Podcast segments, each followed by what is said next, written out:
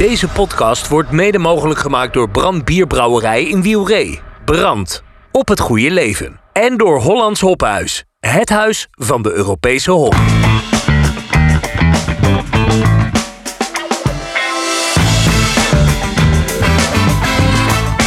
Welcome to the Brewpod. Dit is de Bierradio Brewpot en we staan vandaag en morgen in Antwerpen. Dat is weer eens heel wat anders. In Antwerpen op de nieuwe beurs Beer Experience. Een eh, beurs die eh, ja, met name voor brouwers, hobbybrouwers, thuisbrouwers, maar vooral ook microbrouwers, professionele brouwers. Ja, wie kunnen we daar beter eh, vragen over stellen en de introductie doen dan Luc de Rademaker, de directeur van deze beurs, de organisator. Welkom Luc. Dag Fedor. En vertel eens, wat, wat, wat is dit voor een beurs en waar komt het initiatief vandaan? Oh, het is een, eh, zoals hij zei, het is een beurs voor, eh, van kraftbrewers tot eh, betere thuisbrouwers. Die eigenlijk meer kennis willen opdoen, die een paar leveranciers willen ontmoeten. Ehm, ze kunnen lezingen volgen, ze kunnen collega's ontmoeten. En het is eigenlijk een, een netwerkevent en een event van waar iedereen elkaar ontmoet.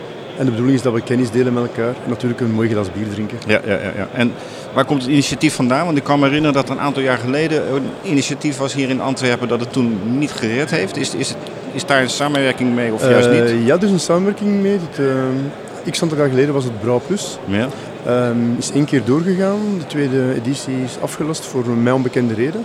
En eigenlijk tijdens de COVID, tijdens de eerste lockdown in België, heb ik contact opgenomen met de mensen van de Waagnatie.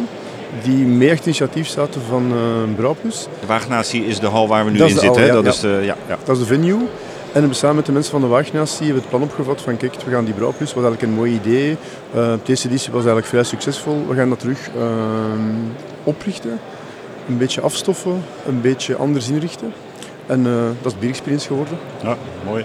En jullie organiseren dat met Becomef. Becomef is natuurlijk ook het bedrijf achter de eh, grote bierwedstrijden. Ja, dat is Becomef, dus Beer Communications en Events. Events zegt het zelf, wij zijn actief in de bierwereld. En we proberen eigenlijk zoveel mogelijk partijen samen te brengen, voor ik zei, kennis te delen en mensen elkaar te laten ontmoeten in het werkmoment. Dat is eigenlijk de, de kern van onze, van onze zaak. Ja. Ben je tevreden over, ja het is net begonnen, de beurs is net een uurtje open, maar ben je tevreden over uh, zeg maar het aantal stands dat er, uh, dat er is? Ja, het aantal stands vind ik uh, fantastisch. We hebben 40 stands, 50 exposanten, eigenlijk het binnen- en buitenland. En eigenlijk iedereen was zeer enthousiast over het initiatief. En de meeste mensen waren blij van naar hier te komen en allee, ja, potentiële klanten te ontmoeten. Ja, ja, ja, en die potentiële klanten, dat zijn dus wat je zegt, brouwers, hobbybrouwers, thuisbrouwers, ja. maar vooral ook professionele brouwers. Ja, dat klopt. En uh, zonder aantallen te noemen, wat, wat, wanneer is die beurs voor jullie geslaagd? Maar voor mij is het heel simpel. Als de exposanten tevreden zijn en de lezingen lopen goed, dan ben ik ook tevreden. Ja. En kijk, het is een eerste editie. Uh, er zijn 500 tickets de deur uit. Dus we zien wel wat er gebeurt. En, uh, allez, de basis ligt er, ik zal het zo zeggen. En nu is gewoon uitkijken van uh, wat de rest van de twee dagen gaat geven. En mensen kunnen ook uh, gewoon tickets hier aan de deur kopen? Ja, mensen kunnen ja. gewoon uh, binnenwandelen. Het is 35 euro. Je krijgt een goodie weg mee ter waarde van ja, 20, 25 euro. Dus eigenlijk als je komt heb je je kosten al terugverdiend. Ja, ja, ja. En ik heb begrepen, ik heb hem nog niet geproefd, maar ik heb begrepen dat jullie ook een speciaal bier hebben vandaag. Ja, of we... vandaag en morgen, allebei de dagen? Ja, dus um, voor de beurs is in samenwerking met de koning. Ja een uh, iconische brouwerij in Antwerpen natuurlijk, ja, ja. is er eigenlijk het bolleke, dat toch een icon is in Antwerpen. Uh, we hebben het bolletje gedraaid met een hopsoort van Barberouge van Op Frans, ook een van de exposanten. Ja, en uh, ja, ik heb het in een avant-première geproefd en kijk, het is een mooi bier. Ja, nou, hartstikke mooi. Verder nog iets te melden over deze beurs? Of moeten we vooral gewoon lekker gaan kijken? En, uh... ik zou zeggen van uh, loop rond, geniet, ontmoet mensen, drink een glas bier, eet iets en uh, doe er wat kennis op en dan loopt alles wel los, denk ik.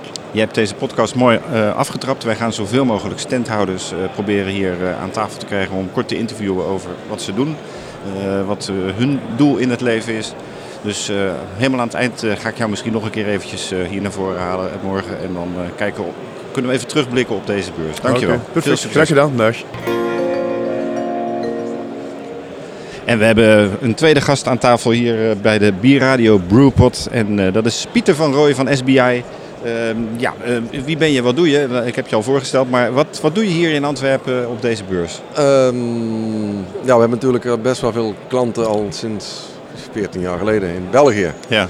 Dus als er een beurs is in België, dan moet je daar natuurlijk bij zijn. Maar vertel eerst eens voor de mensen die jou niet kennen, wat doe jij met SBI? Wat is SBI? SBI staat voor een heel mooie Engelse naam, Selected Brewing Ingredients. Warm Engels, ja, omdat we meerdere landen actief zijn. We zijn eigenlijk gewoon een, een inkooppartner voor de kleinere ambachtelijke brouwerijen, Mhm. ook wat grotere. En ik zou bijna zeggen, het is een uit de hand gelopen hobby. We zijn Ja. begonnen, ik kom uit de moutwereld. Ik ben begonnen om de brouwerijen te helpen met zakken mout van 25 kilo. Ja. En onze kracht is in principe volgende dag leveren. En klanten vroegen mij, kun jij ook gist leveren? Kun jij hoppen leveren? Kun jij suikers leveren?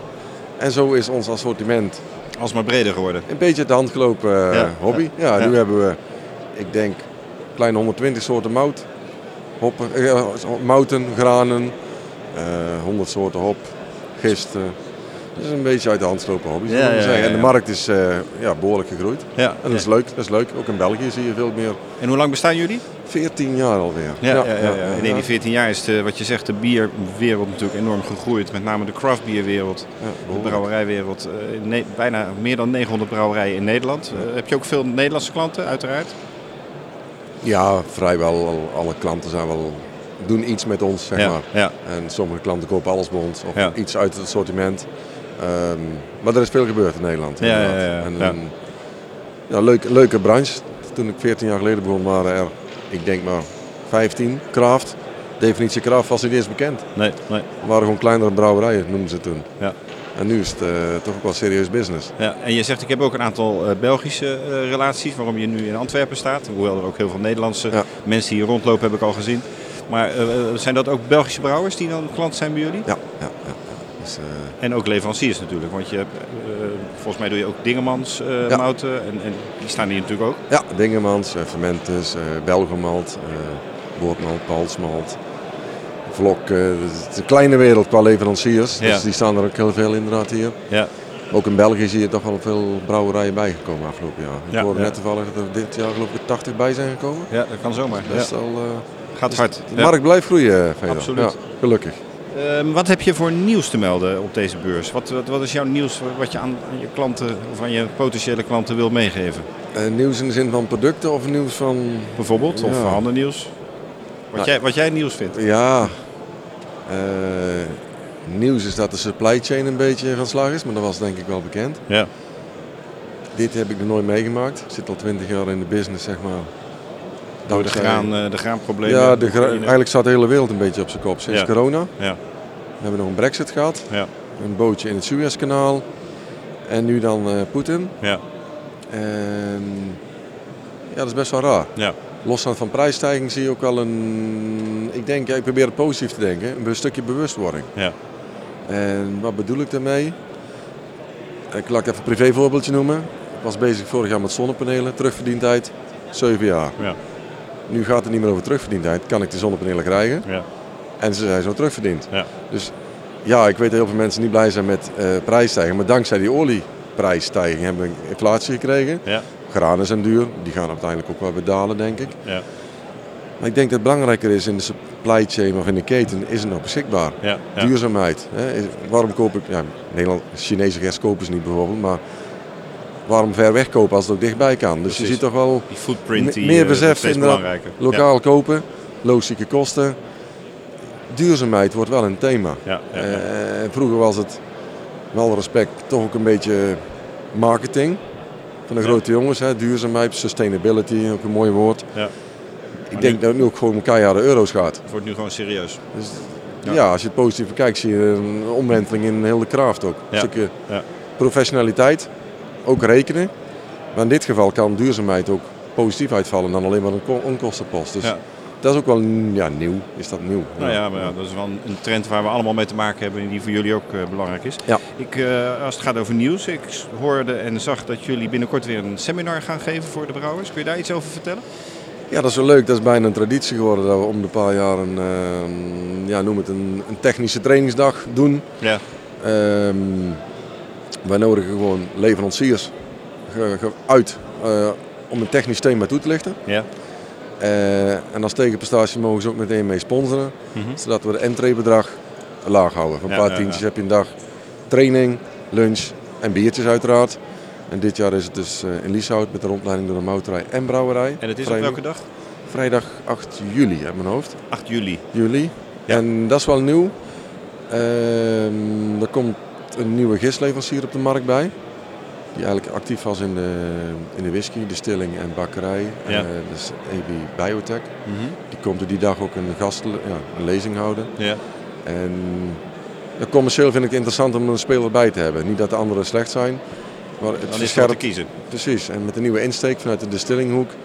Je ziet toch in de wereld dat mensen toch, zie je de distilling, ik heb het idee dat er toch meer geëxperimenteerd wordt sinds de corona. Ja, ja, ja, ja. Dus dat is misschien ook wel een nieuws, eh, nieuwe speler erbij. Ja. Meer smaak en meer keus. Tot slot, eh, volgens mij hebben jullie ook nieuws als het gaat om de, eh, de thuisbrouw, de hobbybrouwmarkt. Volgens mij sinds een jaar of twee hebben jullie ook een, een lijn, een webshop voor hobbybrouwers. ja, ja, ja. Kun je Dus, daar iets meer over vertellen?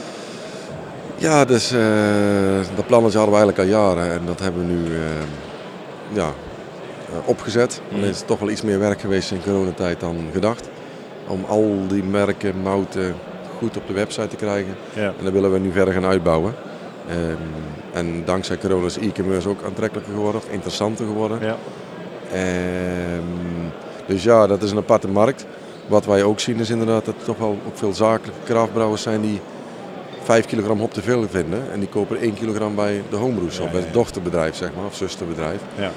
Dus daar zien we wel eh, leuke ontwikkelingen in de komende jaren. Dus, eh, want ook die hobbymarkt is ook behoorlijk geëxplodeerd. Ja, Ik heb het idee dat mensen sinds corona er was, Heel toch een nieuwe hobby eh, ja. bij willen hebben dan winkelen, zeg maar. Absoluut. Toch meer gaan brouwen. Dus we zitten een leuke hoek, denk ik, eh Ja, ja, ja, nee, absoluut, absoluut. Tot slot, wanneer is deze beurs voor jullie geslaagd? Punt 1, leuke gesprekken. En natuurlijk zou het leuk zijn als we nieuwe klanten bij hebben. Ik heb vandaag wel een paar leuke mensen gesproken. Ja. En ik noem dat niet als klanten, het zijn ook een beetje ambassadeurs. Ja. Het zijn, het zijn wel leuke, ja, leuke klanten voor lange termijn. Ja. En dat is eigenlijk het mooie dat we fysiek contact hebben. Dat is eigenlijk mooi, ja, mensen, passionele mensen horen praten over een bier. Ja, Dat is ja, het mooiste wat er is. Nou, Ja, Hartstikke mooi, succes en Dank je wel. eh, we spreken elkaar weer. bedankt. Dank je. Doei. Ja, en we hebben weer een nieuwe gast eh, aan tafel in onze bierradio Brewpot. En eh, hij mag zichzelf voorstellen. Wie bent u? Wat doet u? Ja, goedemiddag. Ehm, ik ben Jan, Jan de Palmenere. En ik, eh, ik werk voor Reinders Label Printing. Kijk, dat is Ehm, mooi. Ik weet niet of u ons kent. Nou, u bent volgens mij een trouw adverteerder in ons magazine, dus ik, eh, ik ken u zeker. Oké, dat komt goed. Ja. Ehm, voor de mensen die u niet kennen, kunt u wat vertellen over Reinders, wat jullie doen voor de bierwereld, voor de brouwers? ja, ja. Nee, klopt. Ik, ik denk dat we, dat we in, in, in België... want we zijn een Belgisch bedrijf, eh, vlakbij Antwerpen. Ehm, Nederland is niet onbekend. Ehm, familiebedrijf, we staan meer dan 60 jaar. Ehm, werken voor heel wat verschillende sectoren. En, en ja, bier kon niet uitblijven natuurlijk. Nee. Ehm, ik denk dat we ons... ehm, we zitten in het, het segment van de zelfklevende etiketten en shrink sleeves. Hè? Eh, waarbij ik denk dat shrink sleeves net iets minder eh, populair is in, in de biermarkt, maar toch niet, niet, niet, niet onbestaand. Dan zeker op cans eh, heel, heel populair. Ja, dat gaat heel hard, hè? Ehm. Ja, ja.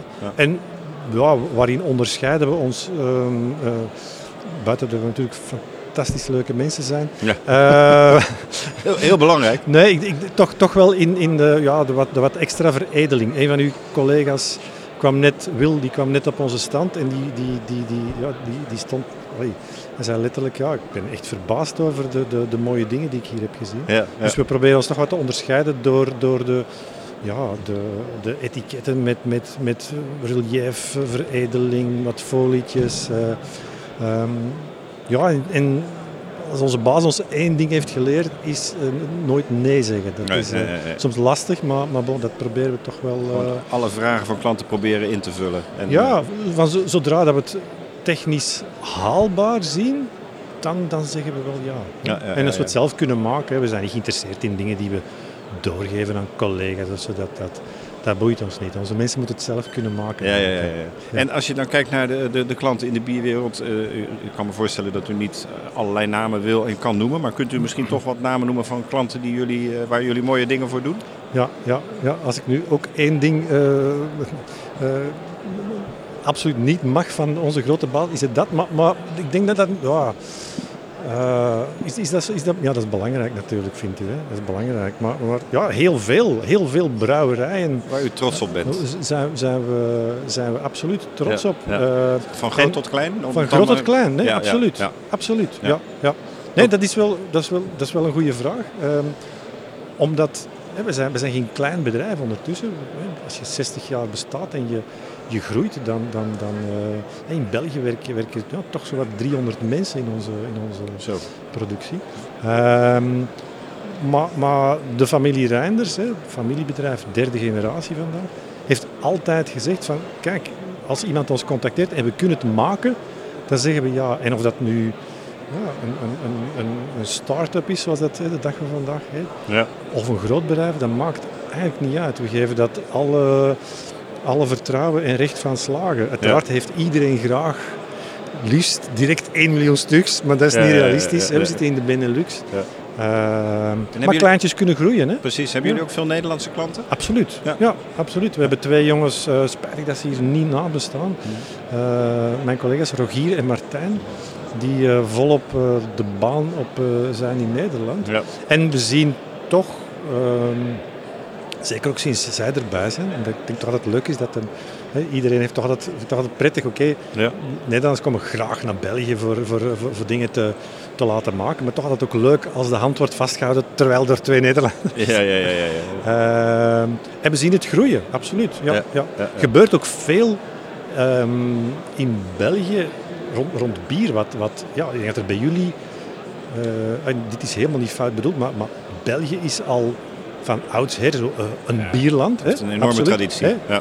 Eh, omdat we ook heel veel paters hebben gehad en, Ja. en abdijen die tenslotte het bier hebben uitgevonden. Ehm, de dag van vandaag is dat, is dat helemaal anders. Hè. Nu zijn het geen paters, zijn het gewoon jonge, hippe kerels op teenslippers. Hè. Ja, ja, ja, ja, precies. Met En baarden. Hawaii hemdjes Ja, ja, en lange baarden. Ehm, maar die traditie die is denk ik eh, er bij jullie ja, enorm ingeslopen en, en, en groeit heel sterk. Ik, zie- ik zie heel veel Nederlandse klanten ook in België dingen laten maken. Dat zien we ook wel. Mooie ontwikkeling. Wat is het nieuws dat jullie te melden hebben op deze beurs? Het nieuwste dat we op deze beurs te melden hebben, is dat we denken dat de dingen die al, al eh, meer dan 100 jaar bestaan, dat die, dat die herontdekt worden. Dat vind ik eigenlijk En noem, één noem eens een voorbeeld. Ja, de, de, de, de, kijk, er is zo, ik, ik ga al even mensen, ik ga al even mee hè, in, in de etikettenwereld. En er is een tijd geweest dat alles moest blinken en, en, en, eh, en liefst ook transparant en dat je het etiket amper zag op een fles. Wel, ik denk dat je vandaag net totaal het tegenovergestelde hebt. Hè. Het moet liefst niet meer blinken. Hè. Eh, het moet echt papier zijn. Mensen moeten het voelen. Hoe dikker, hoe liever. Hè. Eh, nog liefst moet het eruit zien als behangpapier, maar dan op een fles. Ja. Ehm, met een hoek af. Ja, zeggen jullie dat ook in Nederland? Ja, de- eh, Begrijp je wat ik bedoel? ja, absoluut. Hè, wij Ja. zeggen soms, het is, het, is, het, is, het is knap, maar er is een hoek af. Ja. Hè? Dat, wil, dat willen we eigenlijk mee zeggen van, ja, het is zo net iets anders zo. Ja. Ehm, en dat, wij zien bijvoorbeeld, dat is ook wel grappig, wij zien heel, heel groot verschil tussen dingen die in Nederland ontworpen worden of die in, in België ontworpen worden, in, in de biersfeer. hè. Hm. Ja, Jullie ja. maken bijvoorbeeld ehm, bepaalde labels die echt, ja, die, die in België, die, die zouden de, de jury niet halen. Omdat men zegt, ja, deze is te flashy, ehm, gaan we niet doen, Nee. te veel kleur. En jullie maken echt soms te gekke dingen. Ja. En dan zien we wel dat die daarna gewoon in België wel verkocht worden. Ja, dus, ja, dus ja. je moet het... Het slaat toch aan op een andere Maar manier. dat is wat ik... Ja, veredelingen, folies, dingen die vroeger misschien als ouderwets zouden beschouwd worden. En heel vaak in de whiskies en dat soort dranken zaten. Ja. Zelfs whiskies of cosmetica. Hè? Ja. Dat zit nu in de bieren. En dat is, denk ik, ja, voor ons een goede, een ontwikkeling. prettige ontwikkeling. Ehm, de tijd is voorbij. eh, denk ik dat, dat eh, de tijd is echt voorbij dat mensen zouden zeggen: het is maar voor bier. Hè? Hm. Snapt u wat ik bedoel? Ja, ja.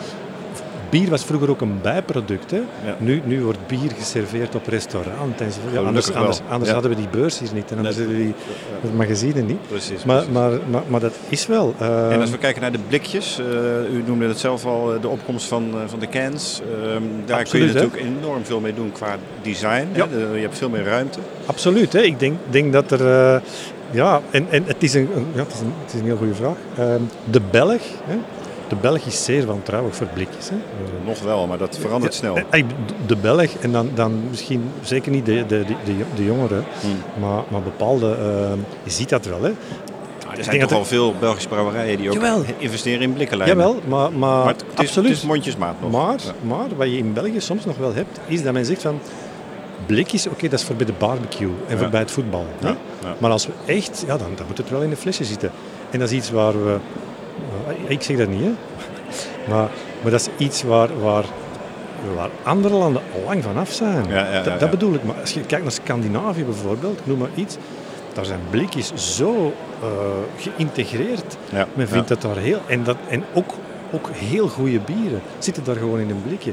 Eh, de UK ook. Ja. Daar, daar, eh, daar, daar wordt heel veel qua design kun je er natuurlijk ook veel En kun je er heel veel- En, en doen natuurlijk jullie, een- ontwerpen jullie ook dingen Nee, voor doen klanten? niet. Jullie Nee, doen echt alleen maar productie. Ja, we vinden dat... eh, er zijn zoveel goede ontwerpers. Ja. Dat, laat, laat iedereen zijn ding doen. Hey, wij gaan daar wel mee aan de slag en wij geven technisch advies, uiteraard, bij het ontwikkelen van, of wat je zou kunnen, of wat je misschien nog extra zou kunnen doen. Hm. Maar ontwerp is een vak apart, vinden we toch wel. Hey, echt, echt ontwerp, hè? Ja, ja, ja. Want je hebt ook mensen die websites bouwen, eh, maar packaging, dat vind ik toch nog wel echt een, een, een kunst der kunsten. Een vak Ja. apart, absoluut. Tot slot, wat is uw indruk van deze beurs Beer Experience? En- En wanneer is de beurs voor jullie geslaagd? Wel, wat de luisteraar natuurlijk niet ziet, is dat het, eh, ik weet niet wanneer dit wordt uitgezonden ooit, maar Het, is een podcast, dus je kunt hem zo vaak ja, terugluisteren wel, als je wil. wel, beste luisteraar, het is buiten fantastisch weer. Ja, het is warm. Ja, ja, het, is, ja. het, is, het is best warm buiten, hier binnen valt het goed mee. Dus ja, we, we weten niet goed of, of, of dit eh, positief of negatief is. Ik denk dat het een, een prettige beurs is. Ehm, er, er hadden nog net iets ehm, meer ehm, standhouders mogen zijn. Maar ja, bon, het, is, het is een beetje zoeken en, en, en je, weg vinden. Ja, ja. Maar ik vind het een goede beurs. Waarom? Omdat het heel gericht is. Hè. Ik bedoel, het gaat over bier, punt. Ja, Hè? Iemand hier, eh, hier lopen geen mensen rond die op zoek zijn naar nieuwe keukenkasten. Nee, die, nee, die, die. Die, die zijn hier niet. Die zit ook helemaal niet op eh, verpakking of Nee, nee, en verlies je dan dus, ook je tijd niet aan. eh. eh, nee, precies. Hartelijk dank, veel succes. Nee, nee, ik, en eh, tot ik de dank- volgende. Ik dank u. Ja, Cheers. dank u. En hier hebben we een volgende gast bij onze Bierradio Brewpot. En dat is een, eh, eh, een gast waar ik zeer vereerd mee ben. Ja, ik ben vereerd met alle gasten hier aan tafel. Maar ja, we hebben hier Paul. Hij moet zichzelf maar even voorstellen. Wie ben je en wat doe je? Ja, ik ben Paul van eh, brouwerij Interpol. Juist. Dus eh, wij zijn gelegen in het hartje van de Ardennen, dus nabij Achouve, uh, Oufalize om correct te zijn. Ja. Ja, het is het sinds een 15, 16 jaar dat ik brouw. Dus eh, het is altijd heel klein geweest. Ja, En eh, ik denk dat het ook ergens het kleinste brouwerijtje van België was. ja, nou, zeker weten. Wij ja. waren bij jou, nou dat is denk ik bijna tien jaar geleden. Ja, enkele Eh, jaren terug, ja. Een van onze eerste edities van Biermagazine. Ja, inderdaad. En eh, nou ja, dat was niet alleen heel erg gezellig, maar het was vooral ook heel erg genieten van je goede bieren. Want ja, je maakte in die kleinste brouwerij van België, je maakte hier wel super mooie bieren. Ja, ja, ik maak een vijftal verschillende bieren, maar echt totaal vijf verschillende bieren. Ja. Dus mijn eerste bier was een, een typisch wetbier. Ja. Eh, waarom had ik gekozen voor dat typisch wetbier in die tijd, tussen 15, 16, 17 jaar terug? Omdat het wetbier ging geleidelijk van de markt weg. Ja. Ja? Dus en ik dacht, dus iedereen stopt met het te brouwen, dus ik begin het, te, ik begin het te- terug te brouwen. Ja. Ja. Dus dat was een beetje de drijfveer daarop. Eh, dan eh, dus de, de naam van de brouwerij is, zoals gezegd, Interpol. Ja. Dus ik zocht naar een naam van mijn bier. Dus ja, mijn naam is Pol, dus Ja. dat was de Witte Pol. Ja, precies. Dus van, van, van de Witte Pol kwam er de Zwarte Pol. Ja. Ja. En, en, en toen kwam er een lied volgens mij. Ja, ja, ja. dat hebben we nog met allen staan zingen bij jou. Ja. Ja. dus, dus de Zwarte is een milkstout. Ja. Ja, een milkstout. Ja. En eh, dus dat was de tweede. Dan de derde was de Peated, de Peated Pol. Ja. Dus, dat is gebrouwen met eh whiskymout van Distillery Bowmore. Wow. Dus ja. van eh, Thailand Isla. Dus dat was de derde. Dan de vierde bier is een, eh, eh, in feite een session. Ja. Een session dan van 4% alcohol. Dus die is vier, vijf verschillende, vijf, sorry, vijf verschillende hopsoorten. Ja. En die is 4% alcoholgehalte. Ja, ja, ja, een mooie session Ja. inderdaad. Ja. En dan eh, de topper dat ik zelf vind, dat is de, de Hops and Roses. Eh, dat is een bloemenbier in feite. Ja. Dus met eh, hibiscus, eh rozenblaadjes en, en eh, eh, rozenblaadjes, hibiscus. En, en een hele mooie hop waarschijnlijk. ja, ja. ja. en de Amarillo hop voor, de, voor, voor draaihopping. Precies. Ja, ja. ja. Mooi. Ja.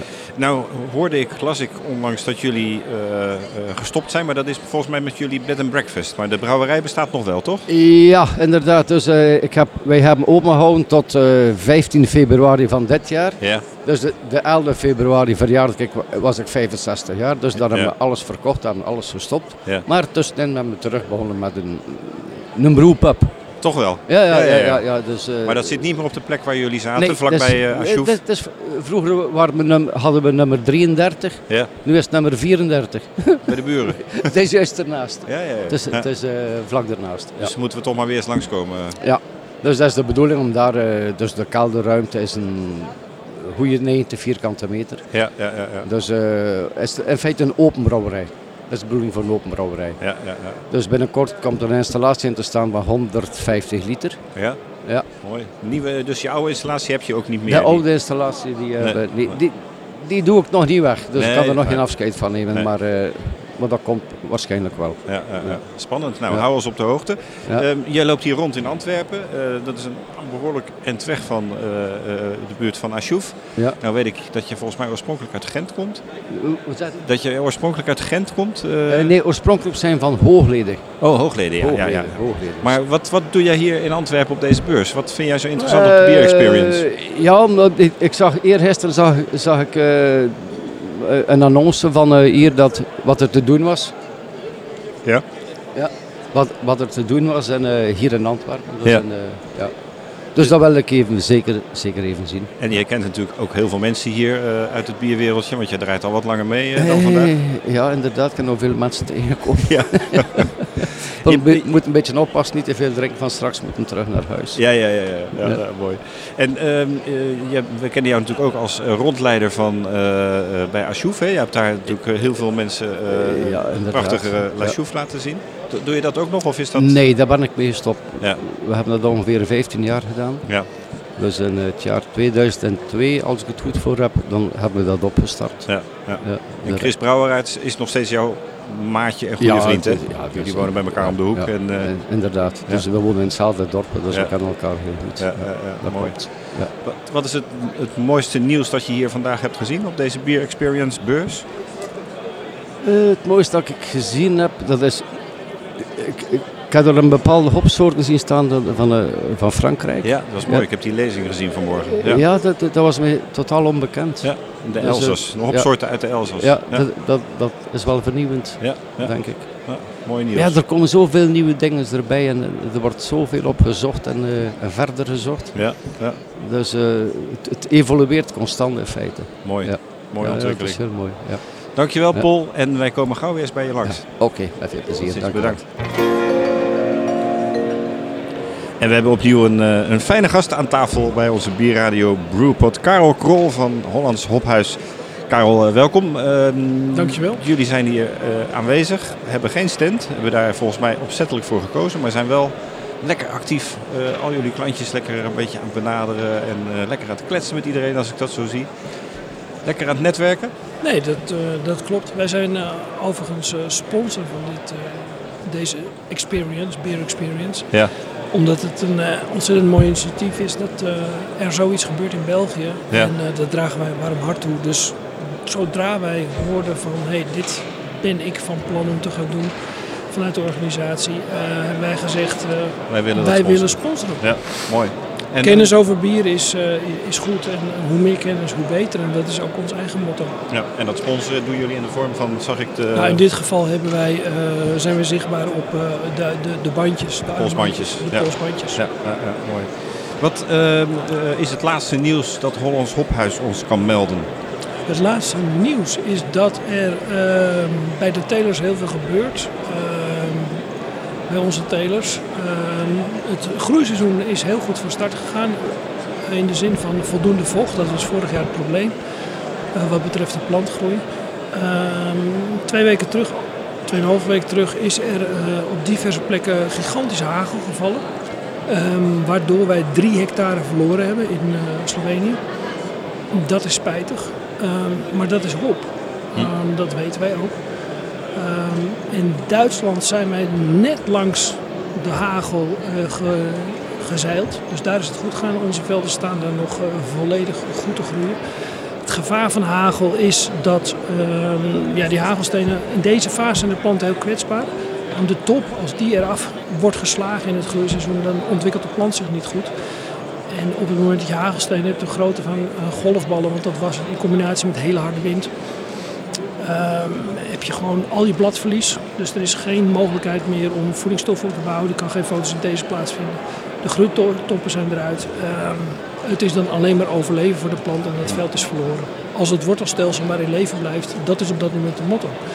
Ehm, gelukkig eh, is dat wel eh, mogelijk.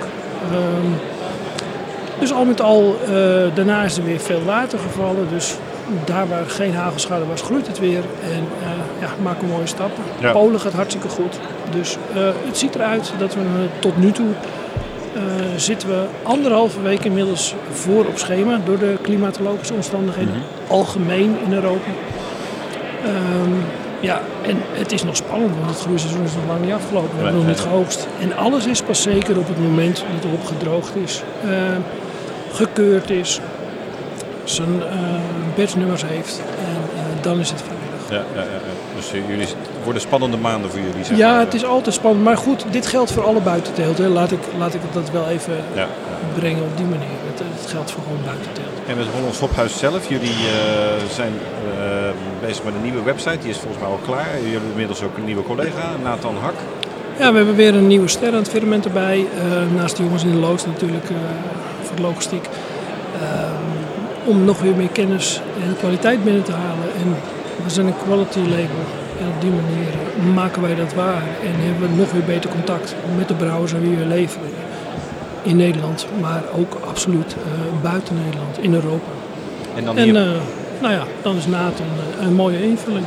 Mooi. en dan hier de Beer Experience. eh, heb je hier al dingen gezien waarvan je zegt van hé, hey, interessant? Nou, ik heb een rondje gelopen. Natuurlijk heel veel mensen aangetikt. Dus het hele rondje heb ik nog steeds niet gelopen. Want overal is het even, hey, hoi, hoe is hij? En eh, wat gaan we doen? Hoe staan we ervoor? En eh, hoe is het met jou? Dus ik moet nog een, een, een derde van het rondje lopen. Maar ja, men is positief en fijn dat er zoiets is in België. Ik zat vanmorgen bij een lezing over de Franse hop uit Elzas.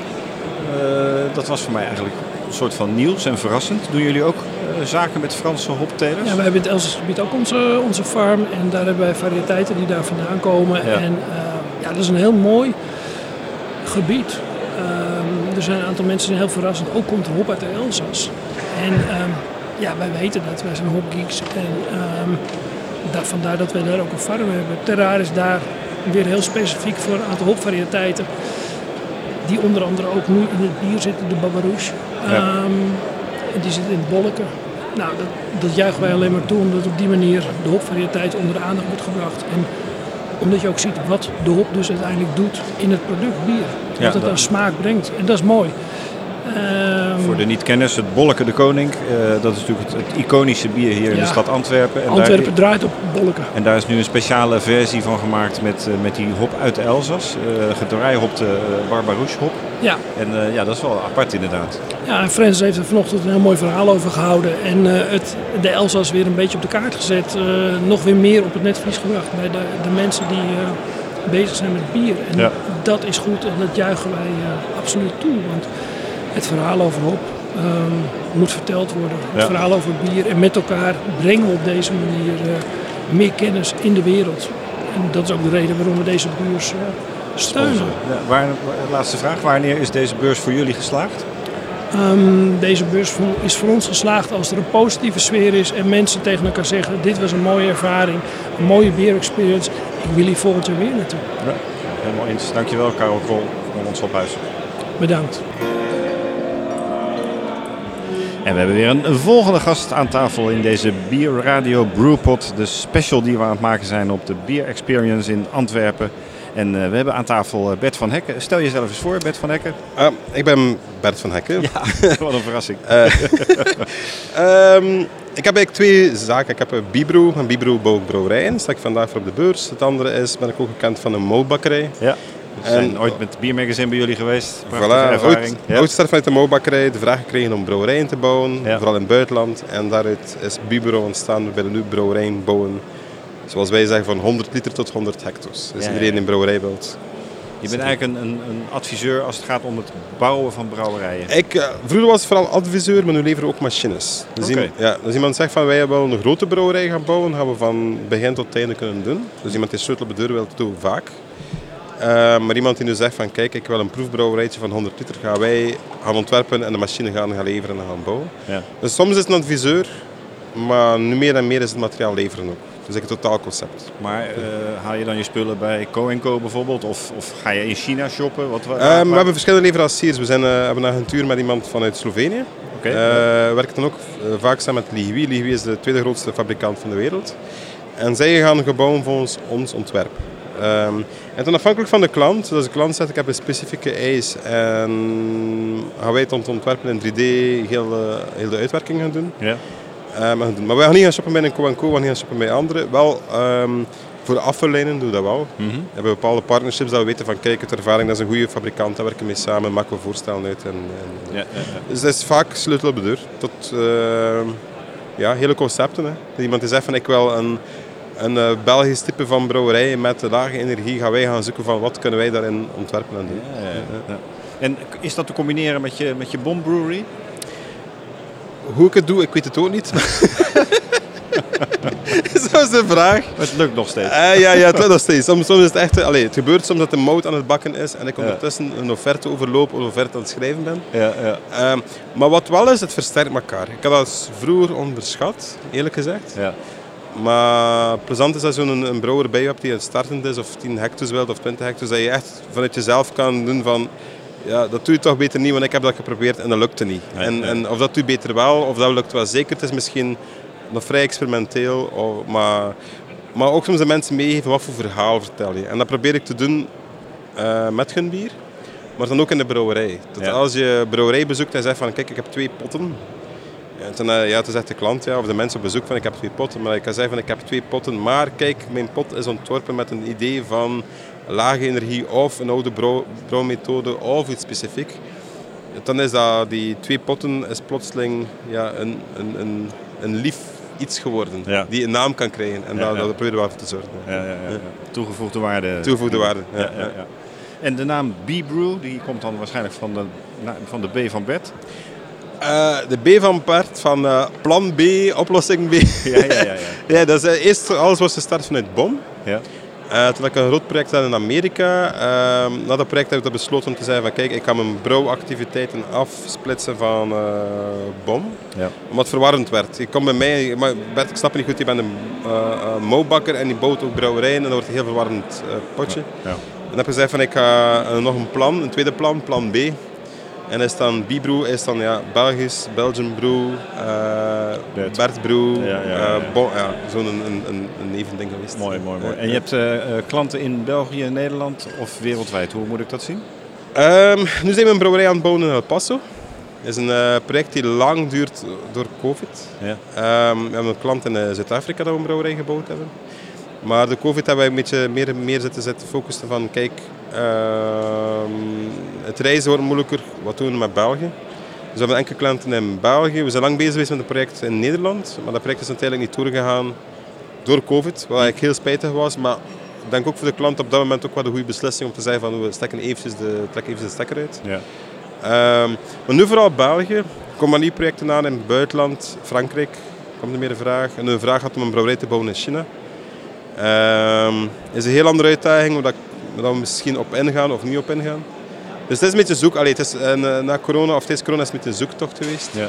Maar er staan heel mooie projecten op tafel. ehm, op tel, zeg maar, die afkomen voor dit jaar en volgend jaar. Maar echt, het is nu van 100 liter tot volgend jaar een brouwerij van 80 hectare die eruit doorgaat. Dus, eh, Echt serieus werk. ja, serieus werk. Ja. Tot slot even over deze beurs. Je staat er ook zelf. Ehm, Wanneer is deze beurs voor jou geslaagd? En wat is het nieuws dat jij hebt te vertellen op deze beurs? Eh, voor mij is de beurs nu eigenlijk al geslaagd aan het worden. Ehm, het is de eerste beurs dat wij opstaan. Dus we hebben op Kreften staan in Nederland, maar dat is de eerste Belgische beurs. Ja. Eh, met, met corona was ik gestart, nu dat ik op een beurs kunnen staan. Ehm, en ik ben heel blij dat de mensen die op bezoek komen ook wel serieus zijn. Ja. Het zijn effectief mensen die op zoek zijn naar een brouwerij, naar, een, naar materiaal, naar ding. Dus voor mij is het geslaagd. Ik ben, ik ben nu eigenlijk al verrast dat er meer interesse is van mensen dan ik eerst dacht. Ik had gedacht van het is mooi weer en de mensen zullen thuis blijven. Maar nee, het is goed. Dus, Klinkt goed en dat hoor ik van meer mensen, dus eh Ja, voilà. goede, Ja. goede eerste editie. Voilà, dat is heel goed. Hopelijk komt er veel meer. Hè. Ja, ja, precies, precies. Morgen nog een dag en vanmiddag nog. Ja. Heel veel dank Bert en veel succes. Dank voor het interview. Tot, eh, tot de volgende. Tot gauw. Ja. En we hebben weer een volgende gast aan tafel bij de Bierradio Brewpot vanaf de Beer Experience in het mooie Antwerpen, het warme Antwerpen. En er lopen hier veel Belgen rond, maar eh, gelukkig ook veel Nederlanders, waaronder de Nederlandse brouwer Dennis Kort. Welkom. Hallo, hi Veder. Wat doe jij hier eigenlijk? Waarom ben je hier? Nou, ik eh, ga graag naar beurzen toe. Ehm, niet alleen horecabeurzen, maar ook bierbeurzen. Omdat er altijd eh, ja, eigenlijk de makkelijkste manier is ehm, om nieuwe trends en innovaties eh, te zien en te ontmoeten. En van mensen waardoor je weer meer dingen leert en je netwerk kan verbreden. Ik vind het, eh, ja, dat is iets wat ik graag doe. Onderdeel van het werk, hoort Ja. erbij. Ja. Wat, eh, je hebt het over innovaties. Wat, wat is de mooiste innovatie die je vandaag al gezien hebt? Of misschien gisteren bij Boordmalt? Ja, het is meer gisteren. Ehm, vandaag in ieder geval, ik denk, denk de, met, de, met de Franse hoppen meneer gepraat over het kruisen en telen van hop. Was erg interessant.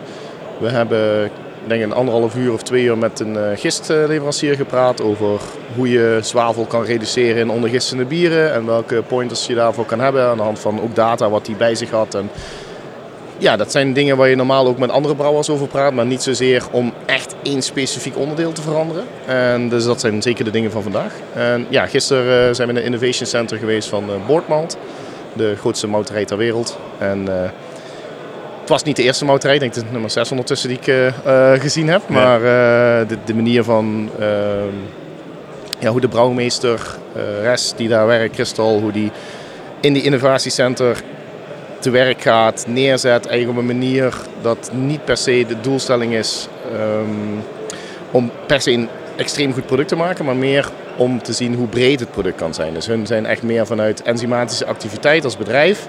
Wij doen mout, dat is onze core business, maar wat kunnen we allemaal nog meer doen met enzymatische activiteit en hoe kun je als mouterij zorgen dat je niet alleen COVID-proof wordt, maar ook hoe je eigenlijk als bedrijf verder kan innoveren. En ik heb vermouten kikkererwten ge- gegeten, dus mijn dag eh, kon gisteren al niet meer stuk. Nee, nee, nee, nee. En hoe smaakt dat van mouten kikkererwten? Eh, eh, erg kikkererwtig, ja. ja. ja, Maar om nou een hummus eh, Imperial Stout te gaan maken, weet ik niet. Maar eh, ik ben wel meteen intrigued, ook door de, de reinheidsgebod optie.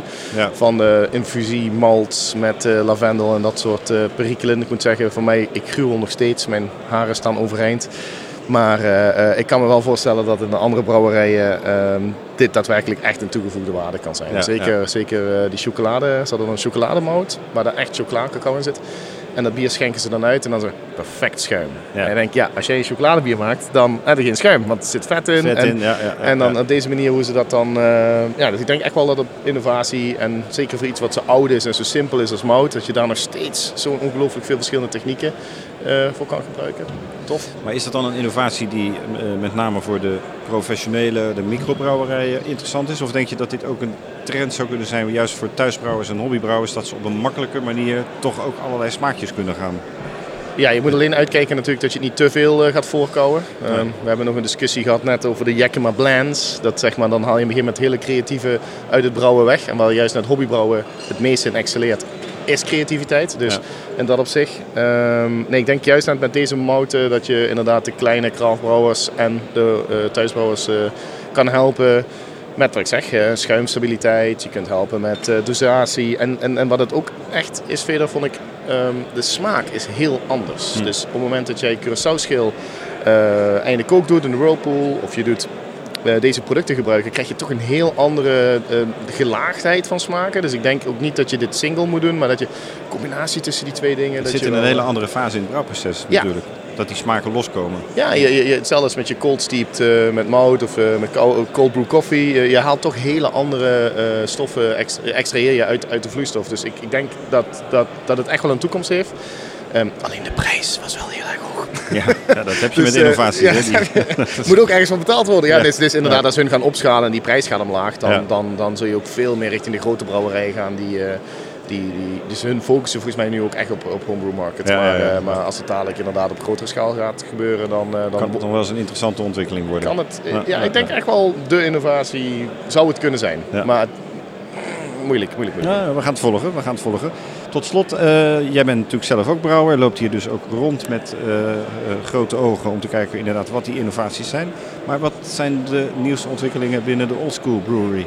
De nieuwste ontwikkeling is dat ik me aan het voorbereiden ben, net als zoveel, op het tienjarig bestaan. Want heel veel eh, mannen en vrouwen zijn gestart Ja. eh, in, eh, in 2012 en 2013. Dus er komen heel veel feestjes de komende tijd. Ja, ja, ja. Ehm, ja, maar ik weet nog niet wat precies wat ik ga doen. Ik zat te denken aan een, aan een, wijn, een wijnevenement of zo. Gewoon als grap. Ja. Als grap richting de bierwereld. Om iets met wijn te gaan doen. Ja. Ehm, nee, ja, ik ehm, heb een mooie anniversary eh, IPA gebrouwen reeds. Er komt eigenlijk de tien beste recepten van de afgelopen tien jaar komen terug. Dus mijn Imperial eh Oktoberfest bier ga ik weer opnieuw maken. Daar heb ik ook echt naar uitgekeken. Ik heb net eh, bij de Frans hopleverancier eh, eh, ook een nieuwe anniversary bier bedacht. Kijk. Wat we gaan doen met de nieuwe Elixir hop. Ja?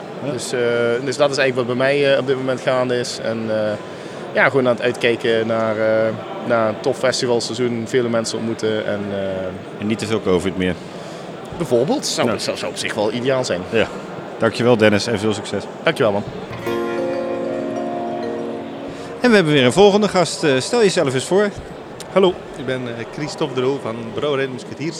Brouwerij de Musketeers, prachtige Belgische brouwerij hier vlak in de buurt van Antwerpen. Net eventjes eh, wat verder, waar, waar jullie ook weer gevestigd in? Sint-Gilles-Waas. Sint-Gilles-Waas, prachtige plek. Schitterende nieuwe brouwerij. Hoe gaat het met jullie? Nu goed, ja. Na de COVID? Ja, een Ja. paar zeer lastige jaren na een super investering van ons nieuwe brouwerij. Ja. En maar altijd eh, gewoon in geloof dat we alles wel goed komt. Eh, een beetje uitgebreid qua gamma, een beetje Ja. slim geweest. En blijven doorinvesteren en geloven in de toekomst. Ja. Ja, ja, ja. En eh, wat, zijn de dingen waar jullie nu mee bezig zijn? Wat, wat, wat is eigenlijk het belangrijkste voor jullie nu? Op dit ogenblik is het onze groei managen. Ehm, het gaat heel snel, omdat we natuurlijk de, in de covid-periode een beetje marktuitbreiding gedaan hebben naar ehm, de retail, wat we vroeger niet deden. Een aantal extra producten gelanceerd om eh, in die tijd wat meer volume te kunnen creëren. Ja. Natuurlijk, die producten worden nu erkend door iedereen of herkend en eh, gevraagd. Waardoor dat de groei eh, nu exponentiëler gaat. Of dat we op ons normale gamma eerst in gedachten hadden. Eh, wat goed is, want we hebben wel die groei nu nodig om... eh, nu staan we waar dat we twee jaar geleden wilden gestaan. Dus, Ja, ja, eh, ja. Even wat vertraging Ja. opgelopen door, eh, door de COVID.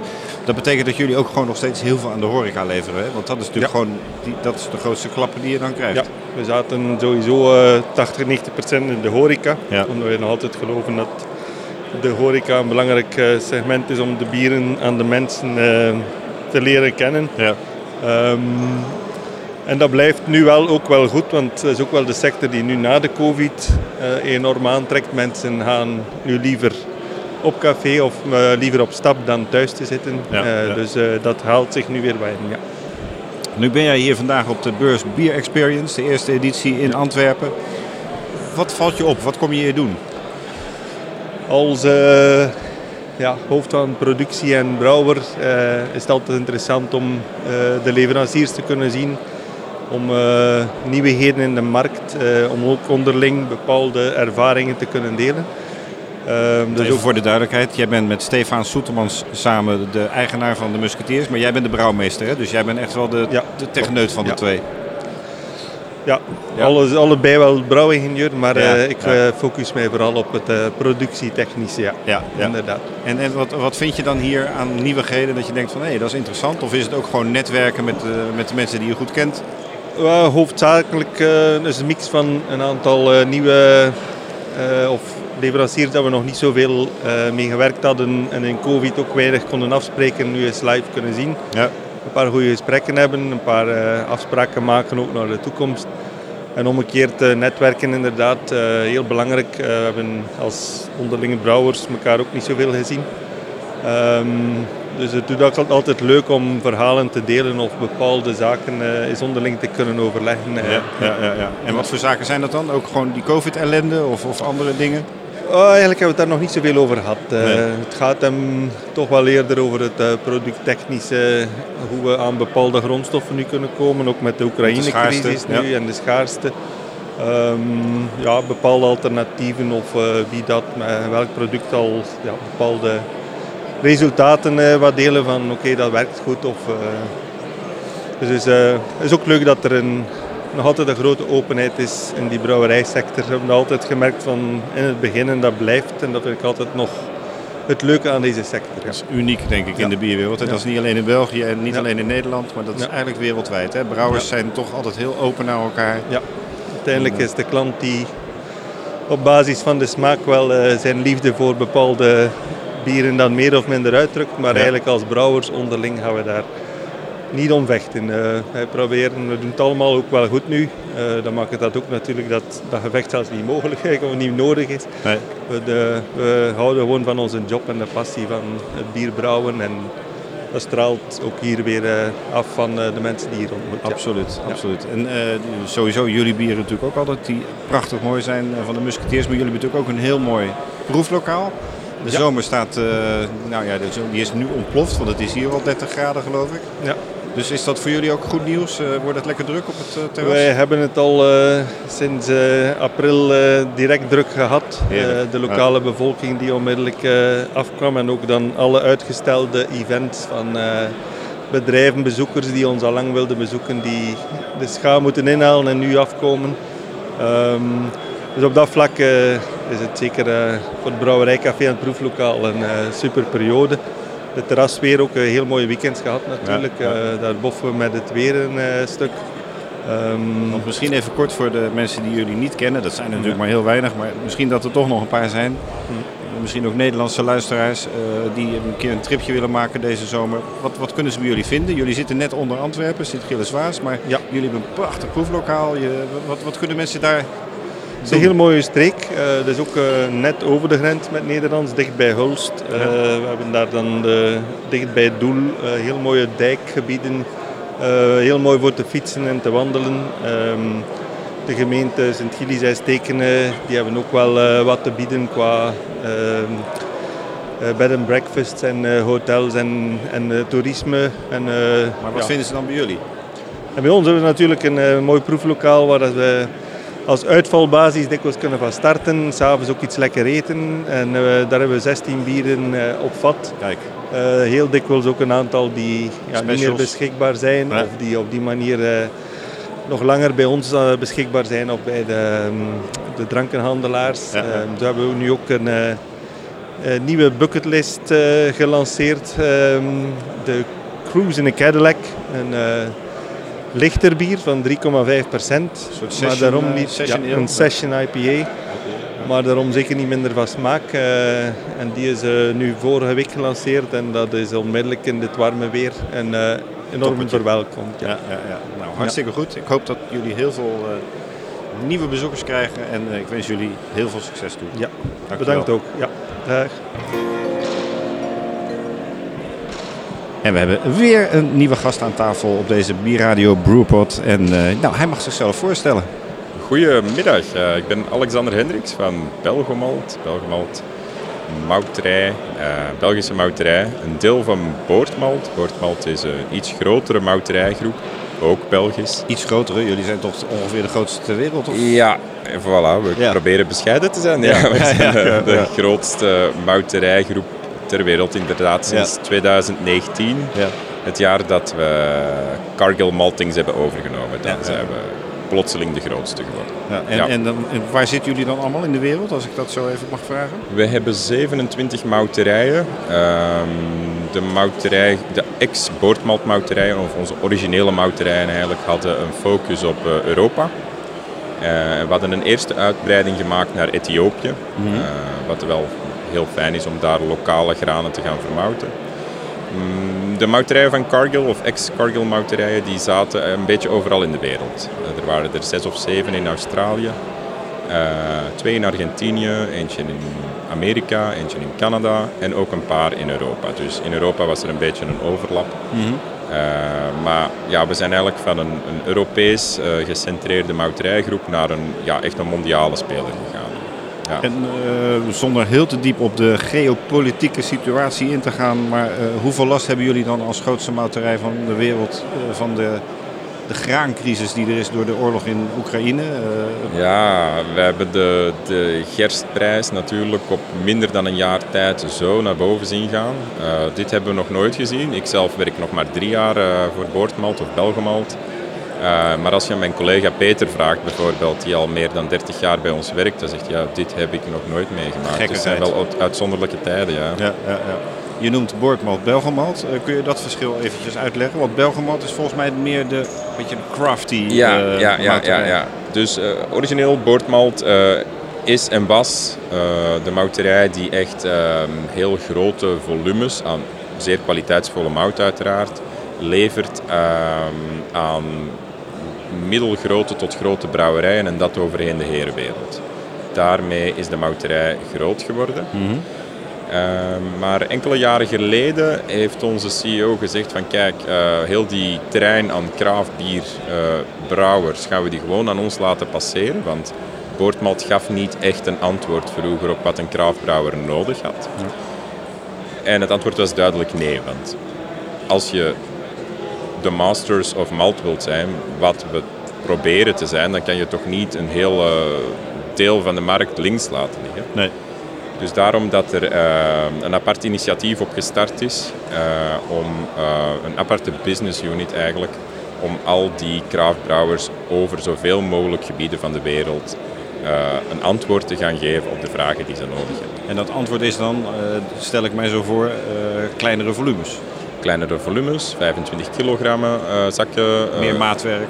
Kleurmout, maatwerk, alles wat we vroeger heel lastig vonden bij Boortmalt. Als we een telefoontje kregen van, oh, kan ik een palet 25 kilo pilsmout krijgen? Mm, ja. Moeilijk, moeilijk. Daar proberen we nu met het Craft-initiatief dat helemaal te omarmen. Zover zelfs dat we de homebrewers omarmen en onze mout per 1 kilogram zakjes aanbieden. Online, via Ja. een webshop? Of, uh, Ja, via onze ja. distributeur SBI voor bier of SBI voor homebrew doen we dat voor Belgemalt. Specifiek Belgemalt is eigenlijk het, het voor brouwers in de Benelux. Uh, maar we hebben ook zo andere uh, mouterijen, craft brands zoals Palsmalt in de UK, Minch in Ierland. Zelfs een Kroatisch craftmerk, Wow. Badass Barley Malt.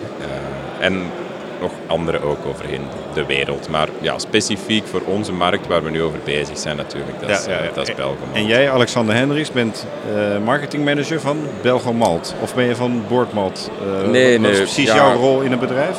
Ik eh, ben drie jaar geleden aangenomen eigenlijk om het project Belgemalt eh, uit de grond te stampen.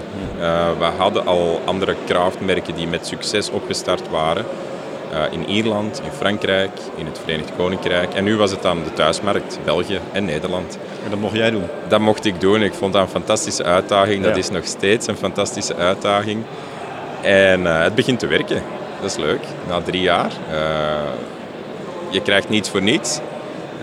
Je moet natuurlijk ook met dingen komen waardoor dat de brouwers toch interesse in jou gaan krijgen, want je bent een nieuwkomer. Ja.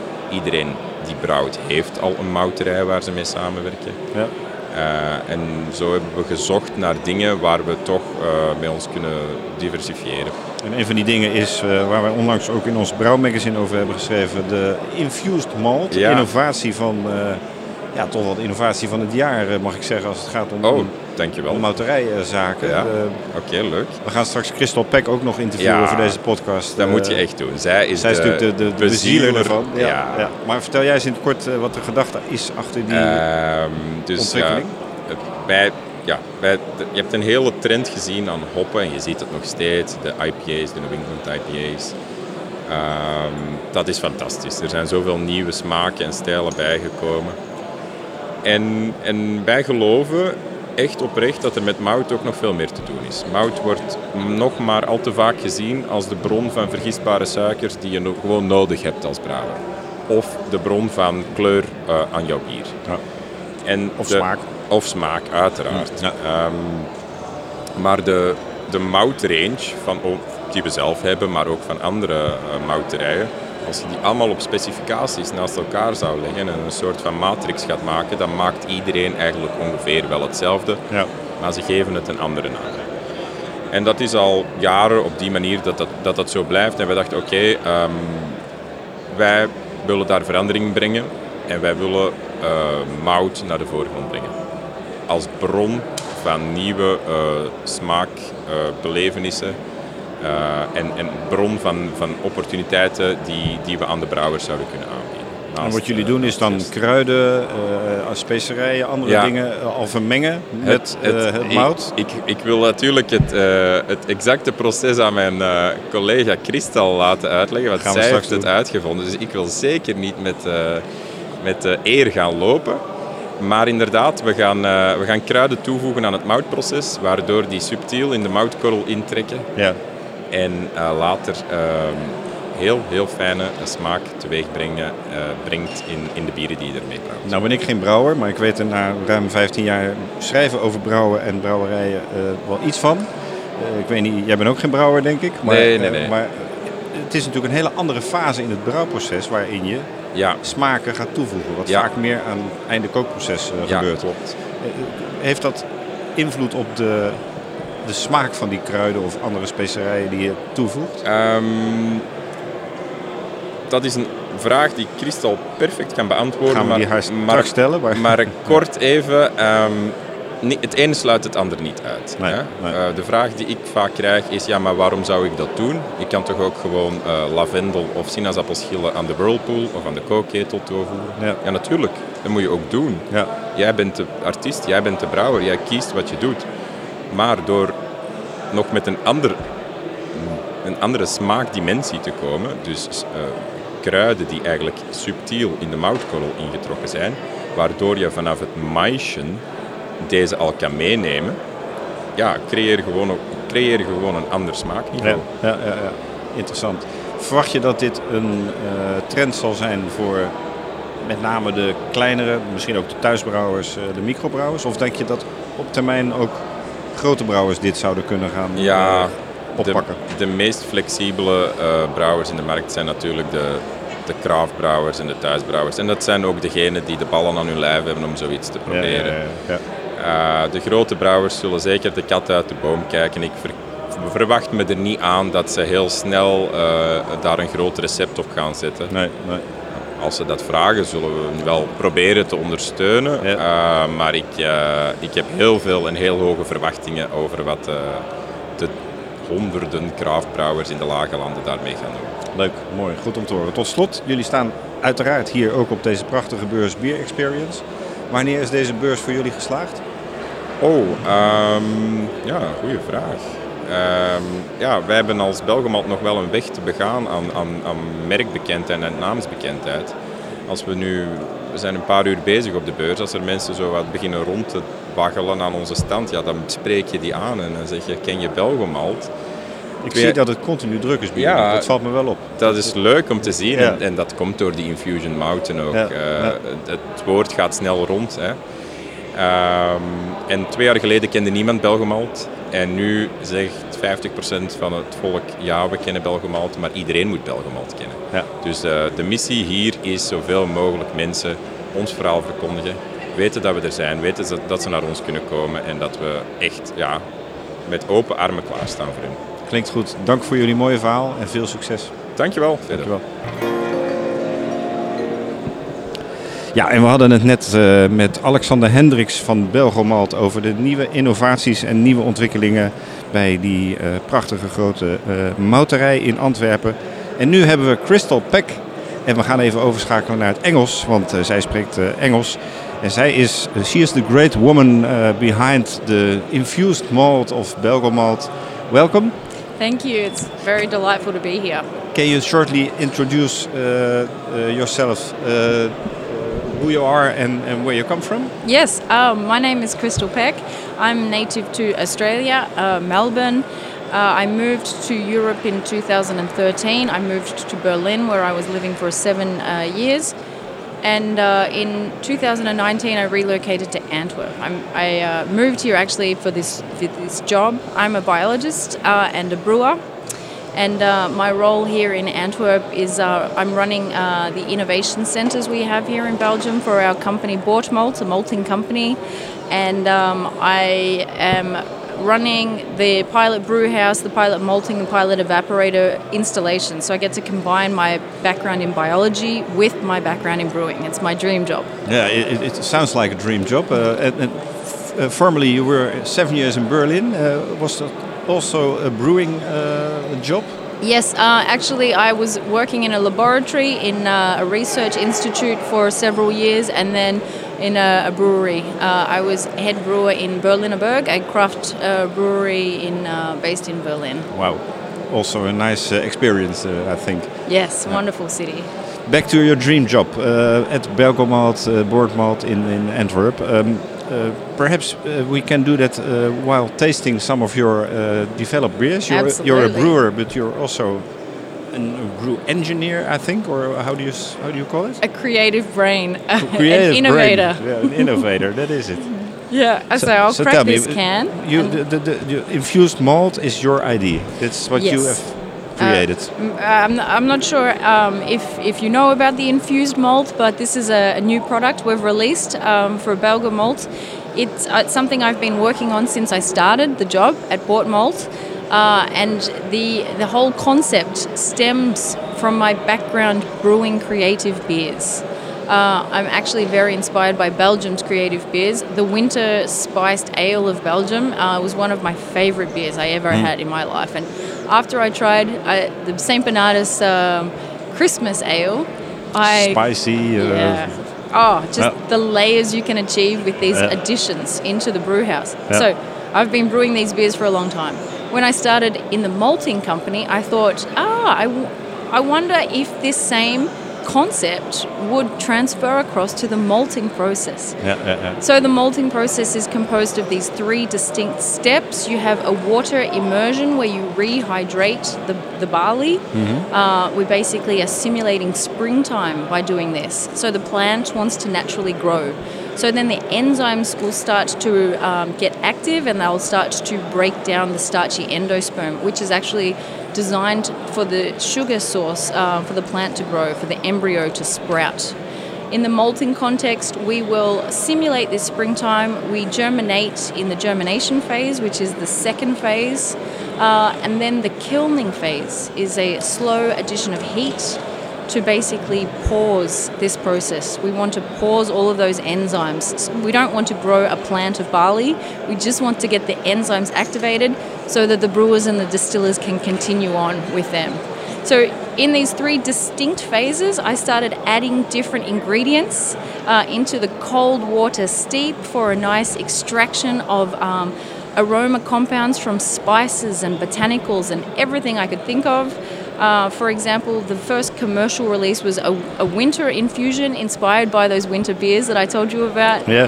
Uh, I had cinnamon sticks, star anise, nutmeg, ginger, cloves, all of these spices in the steep water, and then all the way through the um, germination phase, and then, of course, the kilning step where you pull out a lot of these nice volatile oils from the orange peels and things like that. Let's taste. Yes, Uh, absolutely. You have, have, uh, Let's do it.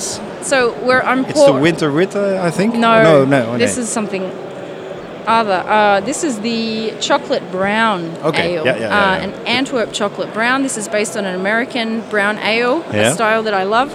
Um, this is made with an infusion malt, which contains uh, chocolate, cacao nibs, and orange. So Okay. it's that Jaffa, I'm not Jaffa orange chocolate combination. I used it in this beer to achieve um, a chocolatey smoothness with a bright citrus twist. Cheers. Cheers.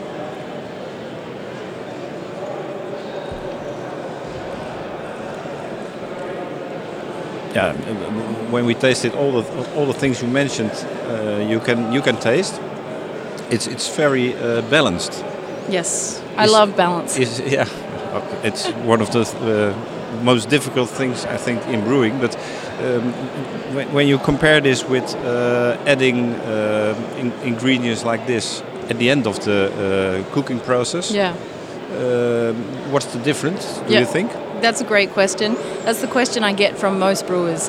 And um, the fact is, I've, I've done experiments where I've added these ingredients into the brewing process, into the lager tank or the whirlpool, and then I've done experiments adding them into the malting process. And the the the answer to that question is that these are in two incredibly different results. You're creating a different product. Um, Yeah. and the whole idea was I wanted to equip brewers with more tools to be creative.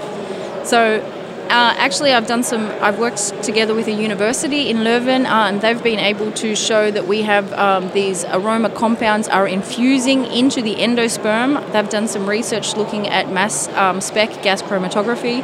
And um, we're in the process now of trying to, to demonstrate that there's also a biotransformation happening, which is what I believe. I believe that we're having the formation of new and novel compound aromas in this malt variety. But the simple answer is that it's an in- incredibly different uh, result. Yeah, yeah, yeah. yeah. And, and, and what is your purpose with this uh, innovation? Is it um, especially for, for home brewers or small brewers? Or is it your, uh, your, your purpose also to deliver these uh, innovations to the big breweries? Absolutely. I think the world is ready for some innovations in the malting industry. Yeah. So this is not contained to home brewers or even brewers. Um, I'm working together with some distilleries now Mm-hmm. uh, who are very interested in these products uh, and how they survive the distillation process. This is an, another thing that we're looking into more closely now. Yeah. But it's not just about the beverage industries, brewing and distilling. We're also interested in the food market. Um, malt, malt as an ingredient in food, it's a very natural, wonderful sugar, maltose. Uh, so we're looking at diversifying actually our business and entering into new markets. This is one thing that COVID taught most businesses, I think, that they Yeah. need to really become quite robust, and diversification is one of our key um, focal points at this point. So I can see this infusion malt in um, malt-based beverages, non-alcoholic beverages, foods, chocolate. Who knows? Uh, I mean, there is there is no limit. It can be bigger than beer. Yes. Yeah, yeah, yeah. yeah. Ah, wonderful. And, and uh, in, in what state is this uh, innovation? Uh, because you uh, have delivered this to the to the market and uh, it's new. Brewers are uh, investigating it. But uh, what's next? What are you developing next? What, what what's your next step? Uh, okay, yes, well, these infusions are pretty time consuming and I put a lot into creating them. So at the moment, I've been releasing one new one per season. It's quite a seasonal release. Uh, the next one will be coming in a couple of weeks. It will be a citrus infusion, so that one will be filled with um, grapefruit, orange, lime, lemon, all of these um, peels of the citrus. Yeah. I think this one will work wonderfully with IPAs, New England IPAs, and these beers that um, are heavily hopped because I believe it'll work very harmoniously with hoppy beers.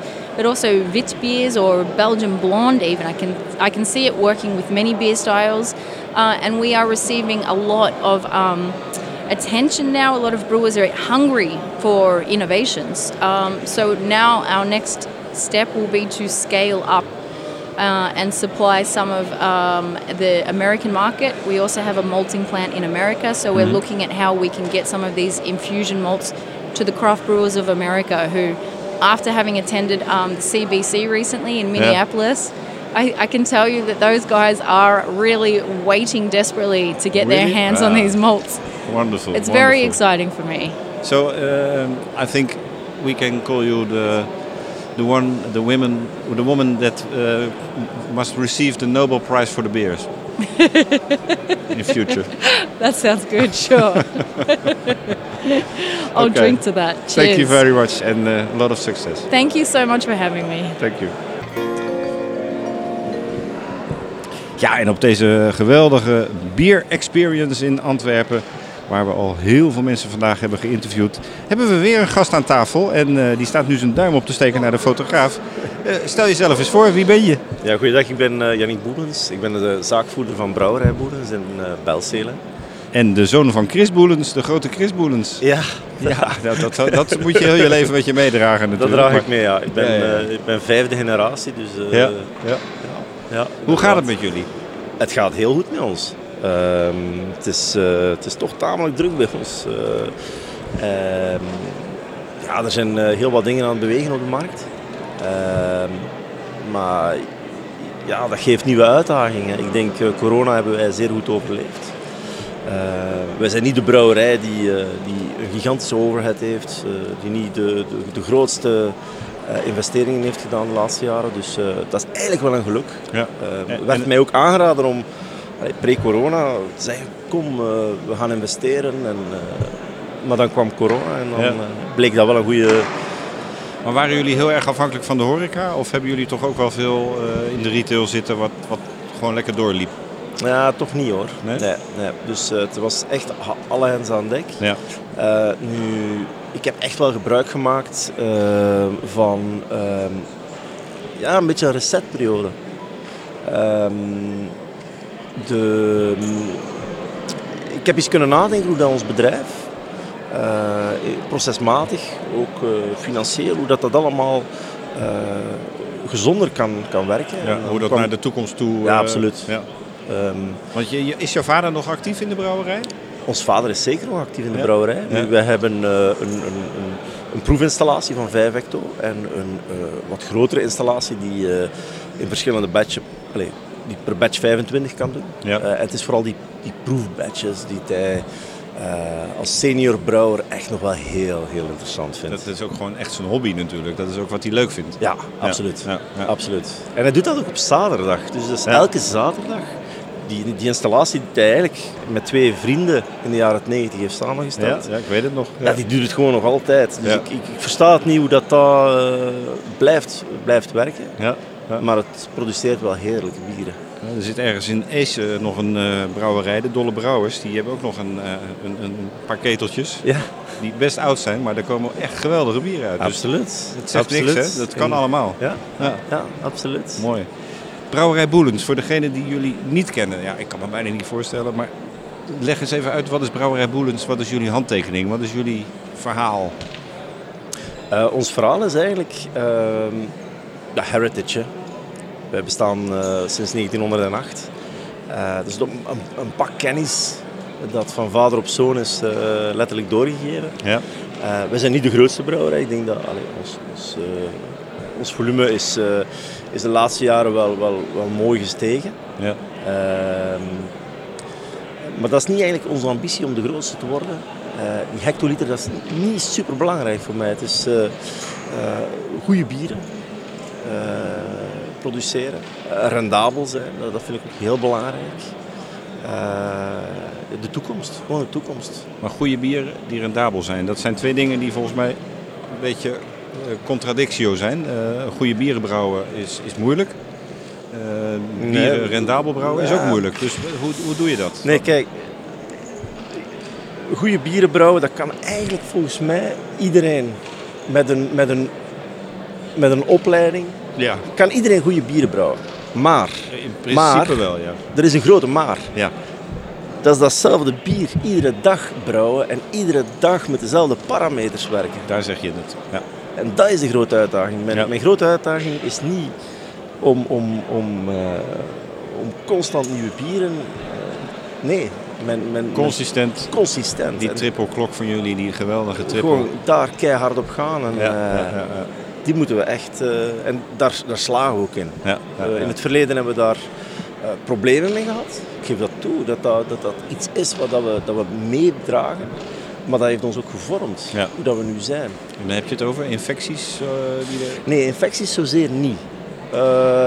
Niet echt 100% eh, eh, de vergisting niet onder controle Hmm. met, met gevolgen. En eh, we hebben dat eigenlijk, eh, ik denk zes jaar geleden, echt wel eh, het roer om, allee, omgelegd. En Ja. eh, met externe gaan werken van oké, nu moet het echt in orde zijn.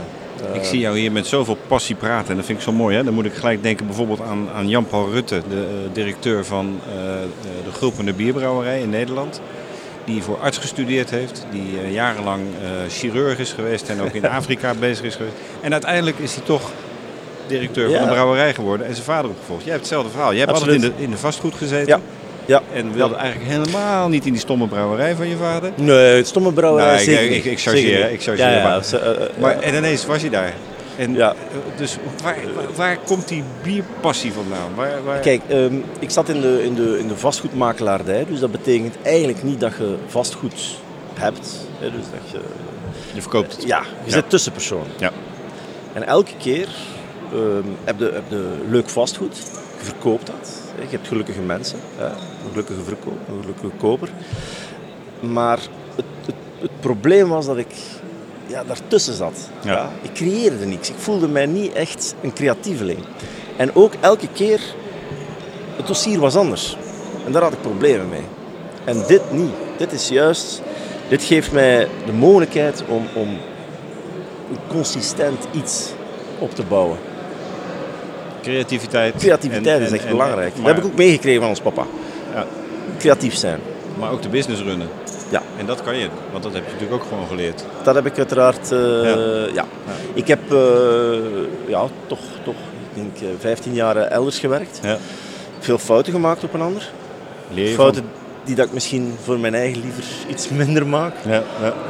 Maar ja. Mooi, we zijn hier op de Beurs Beer Experience. Ehm, jij komt volgens mij, ben je hier al lang? Volgens mij kom je vrij laat binnen. Goh, Ik ben hier eh, twee uur geleden binnengekomen. Ja, ik heb ja, eh, de binnen- en de buitentour gedaan. Dus, Eh, heel goed, heel ja. goed. Waarom kom je hier en wat zoek je hier? Wat, wat, vind je, wat, wat, wat wil je hier ontdekken? Goh, waarom kom ik hier? We willen wel allemaal eens buiten zijn. Hè? Het is dat. Hè? Ehm, Excuus om even weg te gaan. Nee, nee, dat is zeker, dat is zeker. Ja, waarom niet? Waarom niet? Ehm,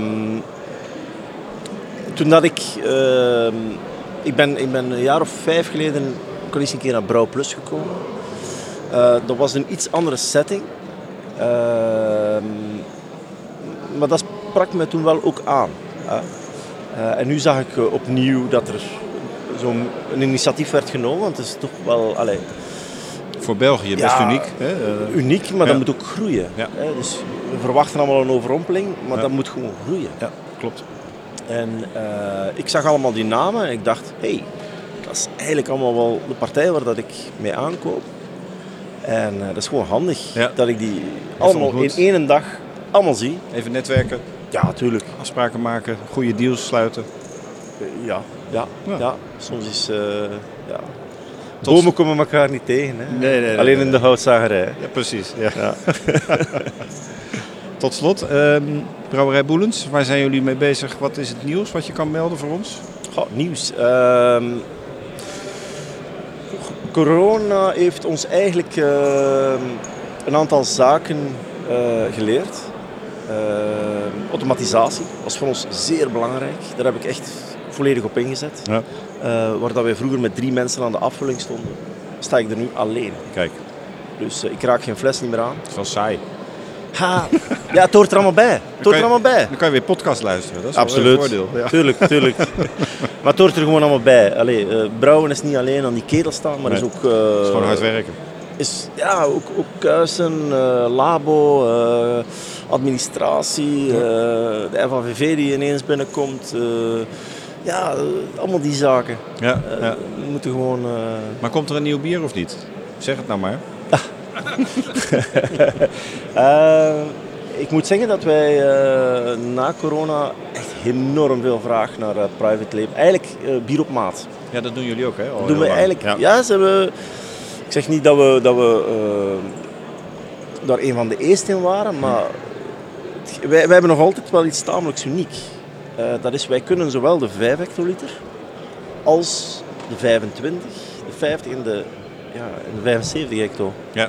Dus we, we, hebben echt een, een groot gamma. Die, die 5 hectoliter is eh, voor de meeste partijen echt wel een mooie starter. Dus één paletje, ja, dan kan je direct zien of dat het werkt of niet werkt. Of Maar zijn, het- maar zijn jullie dan, eh, zeg maar, zoals wij dat in Nederland noemen, etikettenbrouwer? Dus brouw je dan voor partijen die gewoon een bier inkopen met hun eigen etiket? Of ben je echt daar, ben je echt huur, productiebrouwer voor de huurbrouwers? ja, productie. Brouwfirma's, ja, zoals ja, jullie ja, dat ja, absoluut. Dat doen we. Dat we Ja. Eigenlijk eh, heeft dat eh, toch wel, eh, ik zeg niet de overhand, maar dat is wel.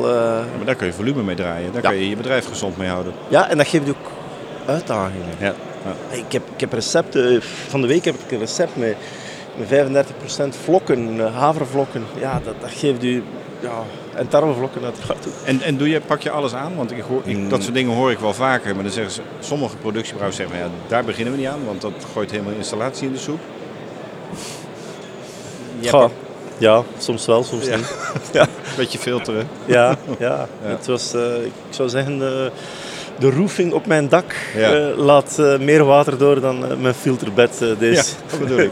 vorige, vorige vrijdag. Dus dat was drama. Ja. drama. Ja. Maar oké, dat zijn uitdagingen. Ja, hè. ja, ja. Eh, allee. Even kuisen en dan Wat doe ik niet? weer. Dat zijn echt bredbieren. Dat, eh, dat, dat gaat er bij mij niet in. Dat is, eh, dat is normaal. Dat Ja. is, Maar dus geen nieuw bier van Boelens op komst? Gewoon bieren die jullie Boelens hebben? niet, maar we hebben wel, ehm, ehm, juist na corona, hebben we een bier uitgebracht. Dat noemt Dust. En dat is een bier dat enkel en alleen beschikbaar is op, in de horecazaken. Op Fust? Nee. Oh, want op dat fles. rijmt namelijk Dust, Fust. Fust, ja. Eh, op, zowel op, op fles als op Ja. beide. Ja. Eh, maar je kon het niet, je kon het niet kopen. Oké. Dus je kon niet retail kon je niet kopen, je kon niet in de winkel, nergens, nergens. Je moest het drinken. Waarom hebben we dat gedaan? We wouden mensen terug activeren. Ja, ja, ja. Kom uit je kot en kom naar dat café en drink een dust. Daar alleen kan je drinken. Ja, mooi. Mooie Ja. gedachte. Dankjewel. Doe de groeten aan je vader. Ik ga dat zeker doen. En je moeder niet te vergeten. Merci, Veel succes.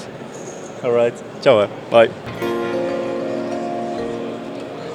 En op deze eh, vrijdag van de Beer Experience in Antwerpen, een eh, geweldige beurs die nog eh, wel misschien wat ontwikkeling nodig heeft eh, qua bezoekersaantallen, maar toch vandaag al een hele mooie dag heeft beleefd, hebben we eh, als laatste gast vandaag eh Karel Dingemans, eigenaar-directeur samen met zijn broer volgens mij van die prachtige mouterij Dingemans. Welkom. Dankjewel. Klopt inderdaad. Jullie staan hier eh, uiteraard ook vandaag. eh, niet alleen om jullie klanten te zien, maar denk ik ook om te kijken van kunnen we nog nieuwe klanten werven? Nieuwe klanten, maar ook het contact met bestaande klanten. hè. De, de, de beurzen worden toch vooral bezocht voor contact met bestaande klanten. Ja, het is ja, ja. Een, eh, en het is een thuismatch Antwerpen. Jullie, 15 eh, kilometer van huis. Dus, jullie zitten om de hoek. Voilà, daar moeten we bij zijn. Ja, ja, ja, ja. We hebben natuurlijk pracht- eh, pas een prachtig interview met jullie eh, eh, in ons brouwmagazine eh, eh, gehad. Eh, die diepte zullen we nu niet ingaan, want dat was een, een, een vrij uitgebreid en Dat mooi klopt. artikel. Ja. Met al jouw kennis en ervaring. Maar kun je toch even proberen in het kort aan te geven hoe jullie als Mouterij Dingemans aankijken tegen de huidige situatie in de mouterijwereld en de graanwereld dan met name ook? Ja, er zijn zeker andere uitdagingen dan tijdens corona. Het is, eh, het is op een ander niveau. Eh, Brouwers worden geconfronteerd met enorme stijgingen, prijsstijgingen langs alle kanten. Eh mogelijk tekorten van graan of niet. Dat hangt nog af van de nieuw te komen oogst die we nu verwachten in het Ja. kort. De, de droogte die we de laatste ja, maart, nee, april, mei gehad hebben, die heeft er geen goed aan gedaan. De vraag blijft of dat, dat een blijvend effect heeft gehad op die oogst of niet. Eh, dat is dan voor Europa. Eh, gelukkig is er niet alleen Europa, zijn er ook nog andere landen. Maar ik bekijk het toch wel positief aan. We zitten toch wel op een hoogtepunt, denk ik, persoonlijk, van de graanprijzen. En ik hoop en ik denk, en ik denk dat de meeste brouwers dat ook hopen, dat de prijs alleen maar naar beneden kan. Maar wie ben ik om dat nu zo even voor de neus weg te zeggen? Misschien zijn we binnen, binnen een maand zitten we op 900 euro in plaats van 800 euro. Ja. Ik weet het niet. Ja. Het, is, het is echt heel moeilijk in te schatten. Maar eh, ergens heb ik toch wel die hoop dat, Ja, dat we hoop en ervaring, eh, die heb jij natuurlijk gewoon enorm.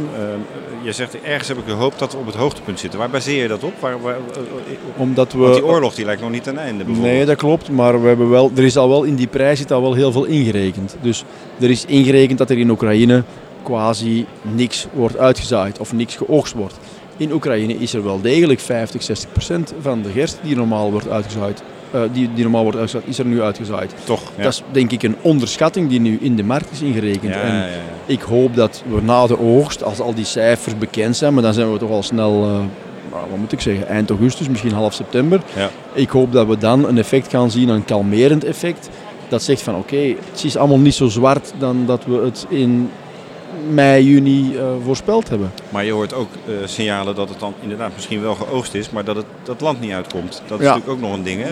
Dat klopt ook. Ehm, maar ik, ja, ik ben altijd positief. Ik, Ja, hoop, ja, ik ook, ik, maar- ik, ik hoop dat we daar Ja. toch ergens eh, in Europa of ja, dat we daar toch oplossingen op kunnen vinden. Ja, ja, ja, en. En, en van welke kant of hoe dat die dan gaan komen. We zijn altijd wel inventief, dus ik denk dat we daar wel iets op gaan vinden. En ja, ja, zoals gezegd, prijzen boven de 800 euro per ton mout. Ja, de vraag is ook hoe lang kunnen brouwers dat blijven betalen. Eh, Ja. Op dit moment ja, slikt men dat alles en, en, en, en, en men kan ook niet anders. Ehm, maar dat kan toch geen twee, drie jaar blijven aanhouden. Denk Nee, ik ja, dan. goed, je ziet het natuurlijk ook in de prijzen in de horeca, die uiteindelijk ook natuurlijk allemaal omhoog gaan. Eh, Dus uiteindelijk, hoe lang kan de consument het blijven betalen? Dat is Ja. natuurlijk ook het Ja, maar ik denk dan in de horeca ja, maar in de retail zien we nog niks. De retail houdt echt alles dicht. Die zeggen ja, ja. wij aanvaarden geen prijsstijging. Als jij prijs wilt stijgen, beste brouwer, dan is dat in eh, december te onderhandelen voor vanaf januari volgend jaar. Ja. Ehm, daar zullen zeker eh, deftige gesprekken gaan volgen, dat is duidelijk. Ja, ja, ja. Even terug naar eh Mouterij Dingemans. Jullie staan hier niet voor niks. ook om dit mooie initiatief te ondersteunen. Maar uiteraard ook om eh, jullie eigen mooie product te eh, promoten. Wat is jullie nieuws? Wat, wat is jullie boodschap eh, tijdens deze beurs?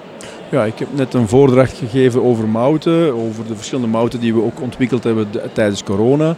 Dat zijn er een paar geweest, die heb ik even aangehaald. Ehm, maar zoals ik in het begin al zei, het is meer een ondersteuning van het project, maar ook een ondersteuning naar de brouwers toe en, en, en, en in contact blijven met de brouwers. Eh, mensen hebben minder en minder tijd, dus ik denk, ik geloof echt wel in zo'n beurzen. Eh, het is waar dat de opkomst nog wel wat meer mag zijn, dat klopt.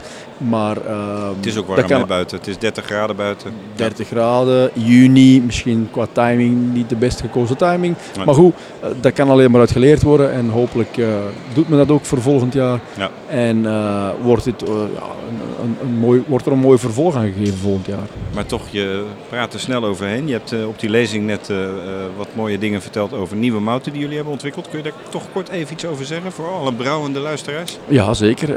Dus wij hebben tijdens corona hebben wij eh, vooral naar geroosterde of gekarameliseerde mouten eh, daarop gewerkt. Eh, wij hadden nog geen gekarameliseerde tarwemout. Die hebben we ontwikkeld. Ehm, dat is mede in een project voor een bepaald aantal, voor een bepaald cliënteel dat ik nog niet veel over kan zeggen. Geen brouwcliënteel voor alle duidelijkheid. Maar we hebben dat verder ontwikkeld richting brouwerij. Dat is een nieuw mout, een nieuwe karawiet. Eh, eh, dan hebben we twee roggemouten. We merken dat brouwerijen toch op zoek zijn naar andere smaken, andere kleuren, andere geuren. En eh, bijvoorbeeld in het eh, niet-alcoholisch of laag-alcoholisch bier kan dat toch wel iets, iets geven qua smaak. Extra Eh, smaak, extra taste. ja. Klopt. Ja. Dus daar hebben we een chocolate rye en een toasted rye gecreëerd. En dan hebben we nog een koffiemout eerder voor de, de biergeek die, die graag een koffiebier of een stout of ik noem maar wat maakt. En die kan ook dat koffiemout eh, gaan gebruiken. Maar je vertelt het nu in, in twee zinnen.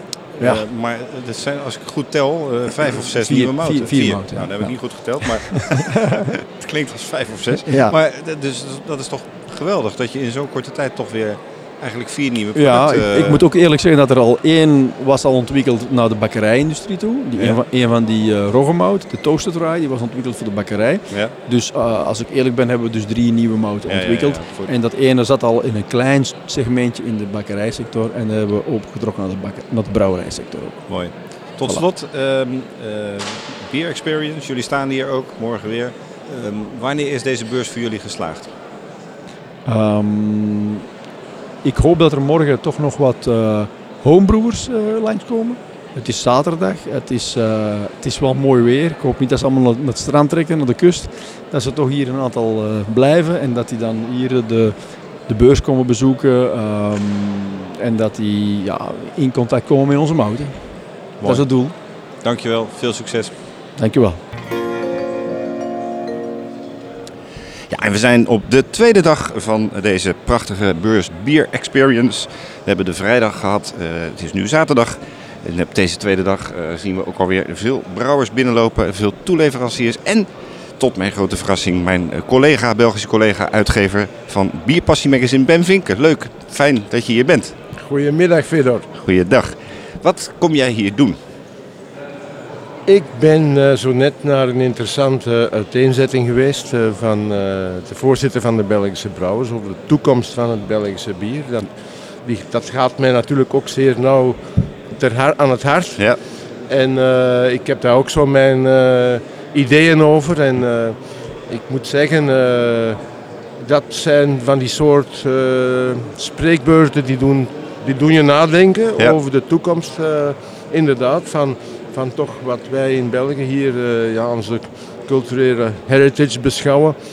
Eh, het land waar de speciale bieren geboren werden. Hè. Ja, ja. En eh, ja, hoe verdedigen we ons dan in de wereld? Meer bepaald in Amerika had ik nog een vraag gesteld. Van gaan we daar niet weggedrukt worden door al die craft beers die een heel andere insteek hebben? Ja, ja. Waar de brouwer een rockstar is en waar het niet gek genoeg kan zijn en, en zo verder en zo verder.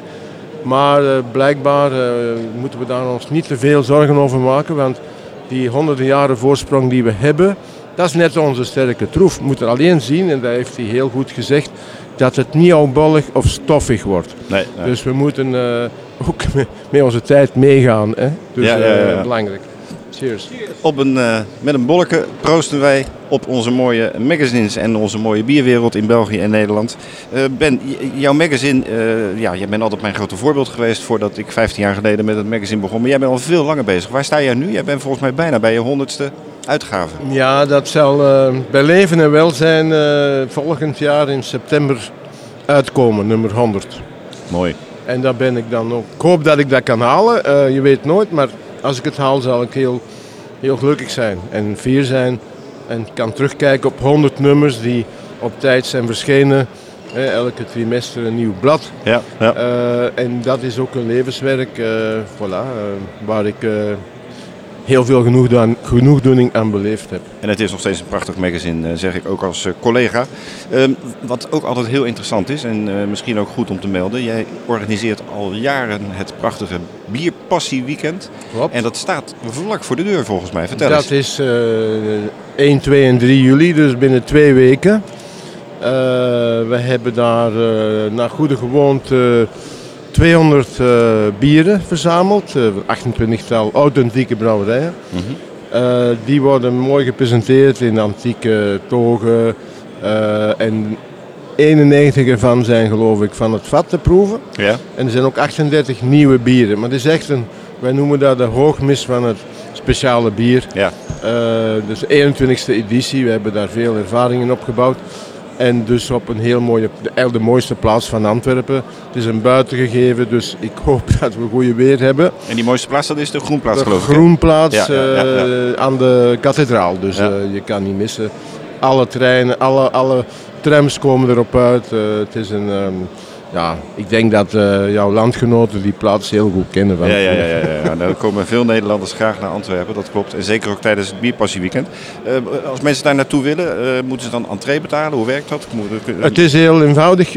Alle info is op bierpassieweekend.be. Oké. Eh, ze kunnen starten, de inkomen is gratis, maar ze kunnen voor 10 euro een startpakket kopen. Daar zit een glas in, de catalogus van het, bier, van het bierweekend met alle bieren, ook met de proefnotities. Ja. Een biersleutel en ook twee, eh, twee jetons, zoals we dat noemen, of tokens. Muntjes. Eh, en daar kan je er al mee starten, dus eh, bier, bieren te proeven. Hartstikke mooi. Tot slot, ehm, jij, maakt, jij kiest dan ook altijd de, de, de, ja, zeg maar de bierman van het jaar, zoals wij dat noemen in ons magazine, maar dat heet bij jullie anders.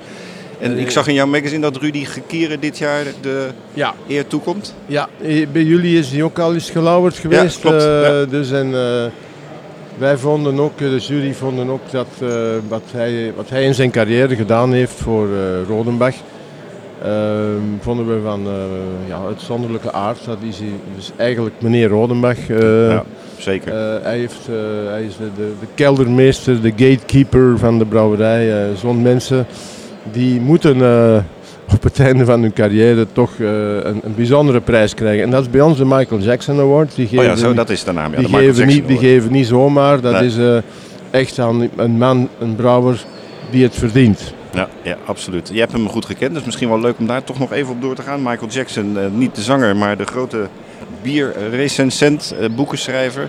Jij had heel in het begin, toen hij nog leefde, volgens mij de rechten van zijn boeken. Ja, Eh, dat klopt. Eigenlijk is, eh, is eh, door het ontmoeten van Michael Jackson, toen ik in een brouwerij nog werkte, is mijn leven veranderd. Hm. Want door die contacten is het boek ontstaan. Het eerste boek eigenlijk dat in de Engelse taal geschreven werd over Belgian bier. Dat tot dan toe een groot bewaard geheim was voor de rest van de wereld. Maar dit boek kwam meteen uit in het Engels. Ging de wereld rond. Moet je je voorstellen, dat was 91, vier jaar voordat het internet eh, er kwam. Ja. Er was de enige bron van informatie. En ik zeg het nog, eh, wat er in Amerika gebeurd is, de craft beer movement en dan vooral de kopiëren van de Belgische stijlen. Eh, nu een beetje op de terugweg, maar de laatste 30 jaar was dat enorm belangrijk voor de Amerikanen. En dat hebben we te danken aan dat boek The Great Beers of Belgium. Ja. Dus Michael Jackson is ook voor Belgisch bier enorm belangrijk geweest. Hij heeft het uit zijn kokon gehaald. Hij heeft de wereld ervan eh, kennis en kon toen krijgen. En ja, hij verdient eigenlijk voor mij een standbeeld op de grote markt Ja. in Brussel of CQ op de Groenplaats. Ja, ja, ja, misschien in het nieuwe museum in Brussel eh, in het beursgebouw. Dat, eh, Eh, dat is een heel mooie suggestie. Ik Ja. hoop dat mensen van het beursgebouw daar naar luisteren. Ja, precies. We gaan nog één keer proosten. Ben, hartstikke bedankt. Veel succes met je Bierpassie Weekend en met je mooie magazine. Dankjewel. Cheers. Ja, en eh, na Ben Vinken hebben we alweer een volgende gast. En dat is een, eh, een internationale gast. eh, iemand die ik al lang ken vanuit vele internationale bierproefwedstrijden. En dat is Ludmil Potev uit Bulgarije. Fotev. Fotev. excuse. Fotev. From Bulgaria. Welcome. Nice to, me- to meet you here. First, tell me what you have with beer. the same thing as you. We are both uh, beer judges Mhm. at Brussels uh, Beer, Beer Challenge, Challenge. and other challenges around the world. Mhm. And we are both fans of good beer and good music. Yeah. Especially jazz. Yeah, yeah, yeah, yeah. yeah. Th- th- We come to jazz, but first to beer. um, uh, what, what, what is your, uh, what's the reason you're here at this beer experience uh, trade? First the experience Mhm. and then the beer.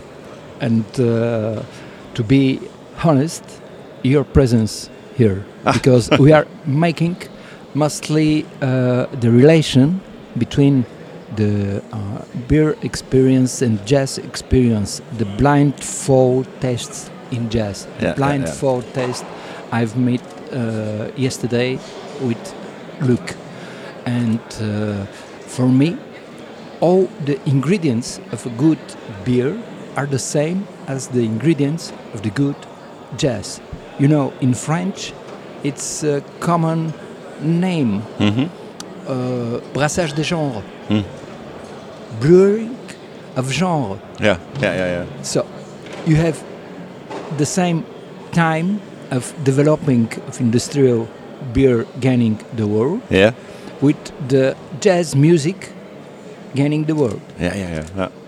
Because of the uh, uh, developing of uh, all kind of contacts via uh, first for, for the beer uh, global code and the global uh, rail waves Yeah. and for the jazz the, the radio waves and the possibility to, to store the, the music onto the uh, disc Yeah, the- yeah, yeah. uh, one play also. I, I think I first have to introduce you to the uh, listeners of this podcast. Uh, we have our beer radio, uh, and at beer radio we we uh, we um, uh, send a little uh, a, lot of jazz music, soul, other good music, but especially jazz. But you have. Uh, ha- have a jazz program in Bulgaria. Uh, it, it's called Jazz Plus. You, you're from. It's on national radio, isn't it? Yes, it's uh, part of the national radio. Yeah. I've begun uh, 30 years ago Mhm. on the cultural program, uh, something as the cultural program of all public radios here in Europe. Yeah. And then uh, I did uh, the, the program for the international uh, program, Radio France, when uh, we've made um, Bulgarian station, RFI Sofia. Mhm. So I've worked uh, for Radio France 10 years Mhm. with Jazz Plus in Sofia. And then uh, after the mm, incorporation of Bulgaria in the European Union, Radio France is going. Mhm.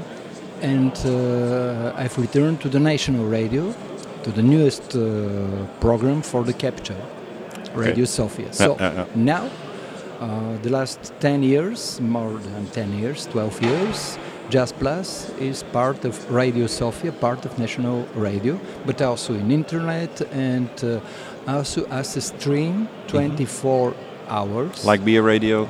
Yes, Yeah. yes, it's uh, Duende.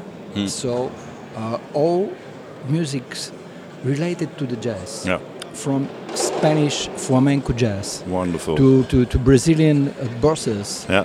When I had to do some uh, talks about the Mediterranean um, kinds of beers in uh, Brazil, in Yeah. Blumenau this year, Mhm, mhm. I had to put some musical correspondences to to that uh, beer developments Yeah. around the world. So for Brazil, where they have the special Catarina sour, you know very well, this Yeah. nice beer with local products. Yeah.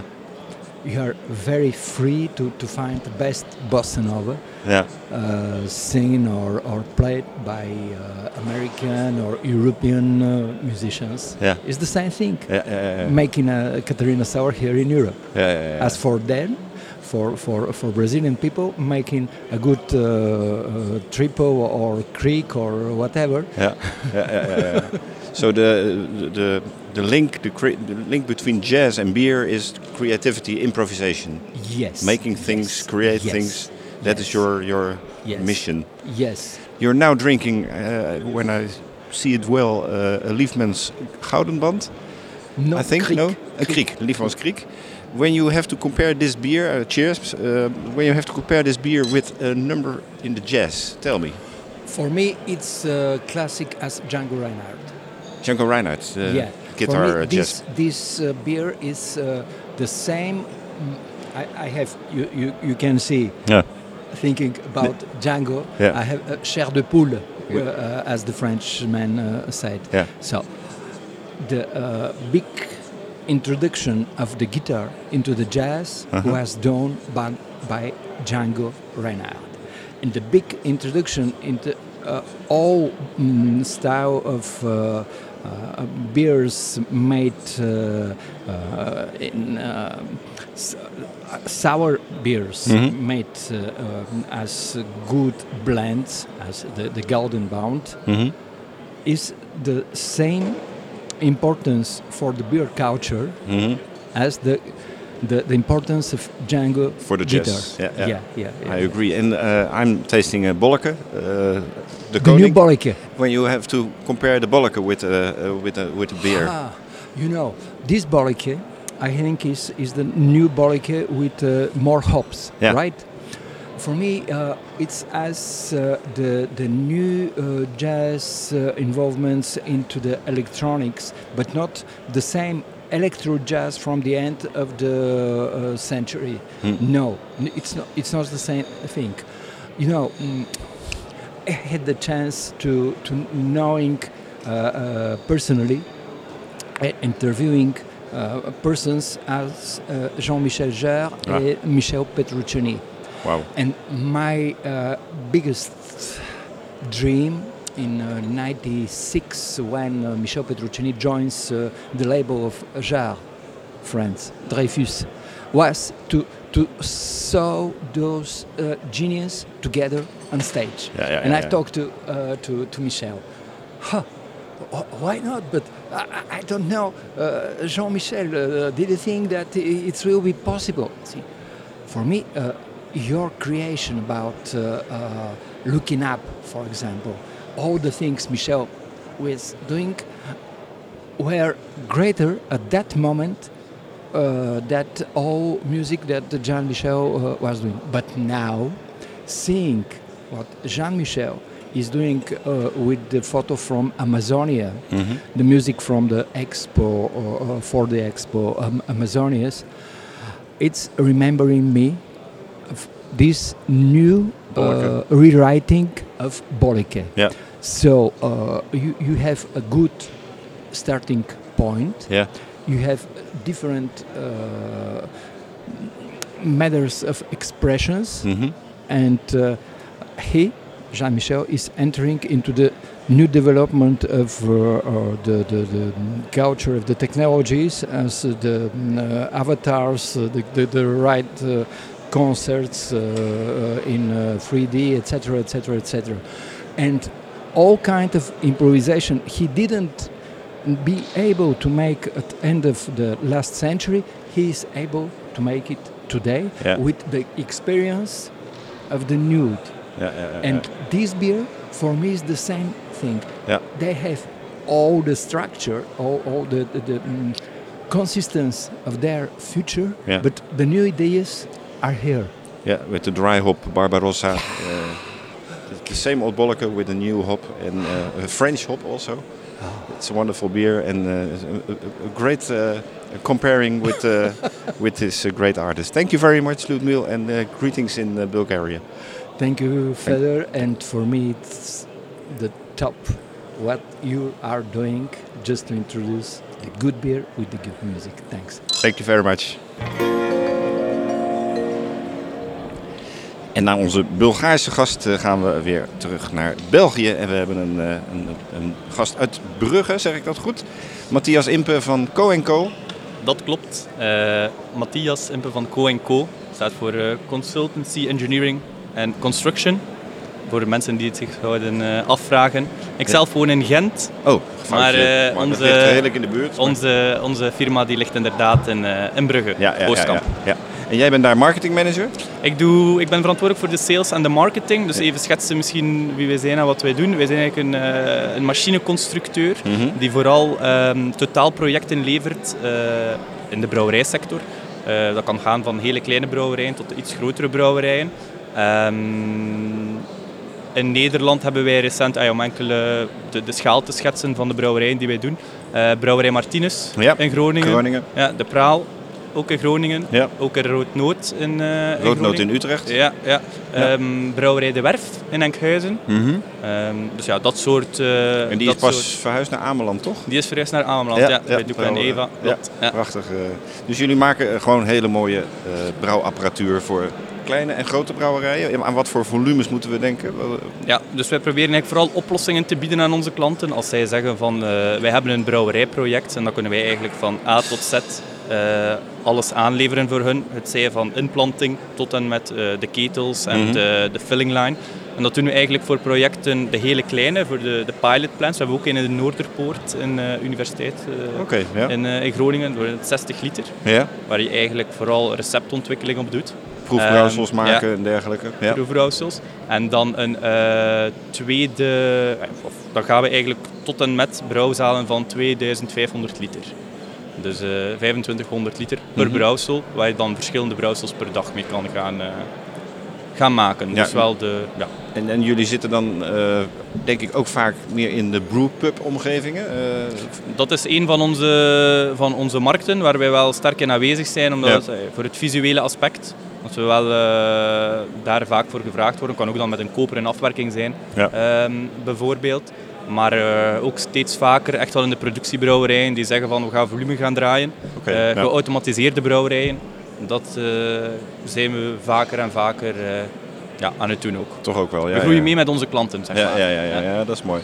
En jullie hebben ook een aantal aansprekende eh, brouwerijen gemaakt in België bijvoorbeeld. eh, Bourgogne de Vlaanderen en, Ja. en Waterloo. Ja. Eh, prachtige kleine brouwerijen, Ja. maar wel heel erg, ja, dat zijn bijna museumstukken hè, om te zien. Ja, klopt. Maar het leuke daarin is dat zij beide ehm echt productiebrouwerijen zijn, waar er veel gebrouwd wordt. En wat ook leuk is aan die brouwerijen, is bijvoorbeeld dat zij naast het maken van bier, ook alle twee distilleren nu. En ons materiaal wordt ook gebruikt eigenlijk voor de volledige voorbereiding voor het stookbier. Oké. Dus Ja, eigenlijk ja, ja. eh, is, onze, is onze installatie super eh, multifunctioneel en draait die eigenlijk eh, constant. Bijvoorbeeld in Bourg- Bourgogne de Vlaanderen hebben ze een 1000 liter installatie en doen die tot eh 200 brouwsels per jaar. Zo. Ja. Ja, ja, Dus, dus redelijk stevig. Absoluut, ja, ja, ja. Jullie staan hier op de, de nieuwe beurs Beer Experience. Ja. Ehm, waarom staan jullie hier?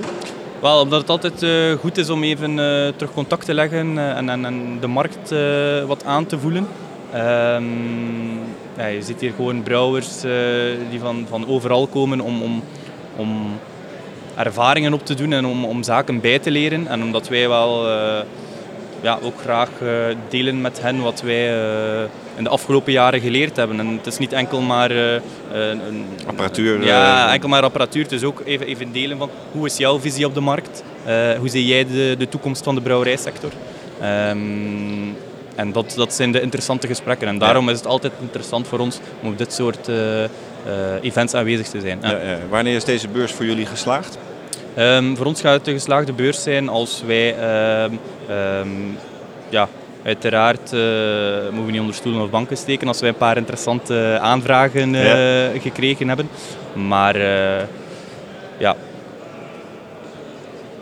Ja, het is eigenlijk... ehm, Daar gaat het uiteindelijk om, hè? Daar, moet, eh, daar gaat het om, maar toch daar kom je voor. Ja, worden. het is Ja. niet eens eh, als je zegt van ik heb lekkere biertjes geproefd of zo, dan ga je naar een, Nee, eh, ja, ja. naar een bierfestival. Maar dat Dus- kan hier gelukkig ook. Ja. maar dat kan hier ook, dus daarom is het zeker aangenaam, zeker met dit dorstige weer. Ja, ja, ja, dus, dat zegt dat. Ja, ja. Dat is misschien om, waarom dat er misschien een iets minder opkomst is momenteel, omdat het echt wel Super warm is. heel warm is en de mensen liever aan het strand zitten dan, Ja, ja, ja, dan ja. hier komen lopen. Maar goed, ik zei het, een keer zo en zo, een keer anders, dus ehm, we gaan niet klagen. Zo en zo met Co Co. Dankjewel Matthias, veel succes. Bedankt Fedor. En nu hebben we een eh, respectabele gast aan tafel. De directeur van de Belgische Brouwers. Eh, dat is niet de minste, dus daar zijn we heel trots op. Eh, fijn dat je even wil aanschuiven. Christian Matgal, eh, je hebt net een prachtige eh, presentatie gehouden over de Belgische bierwereld. Kun je in het kort even toelichten wat je daar hebt verteld? Ja, absoluut. Ik, ehm, ik heb getracht om ergens een stukje wat een, ehm, ja, een, een denkproces eh, te laten ontstaan bij, ehm, bij de brouwers. Mhm. Ehm, en als ik zeg brouwers, dan ehm, gaat het voor mij over ehm, de hele brede community. Mhm. Ehm, zowel, laat ons zeggen, mensen die starten in het brouwersvak, die gepassioneerd zijn, die vanuit een uit de hand gelopen hobby eh, beginnen, maar evenzeer ook vanuit de omgeving van de meer gevestigdere waarden. Mhm. Ehm, omdat ik vaststel dat ehm, wij een klein beetje wat in een soort van, wat ik zou noemen, een, misschien een, ja, een oncomfortabele spreidstand zijn terechtgekomen. Ehm, je merkt dat Belgisch bier eigenlijk heel lang voor een bepaald imago, een reputatie en een kwaliteitsdimensie stond.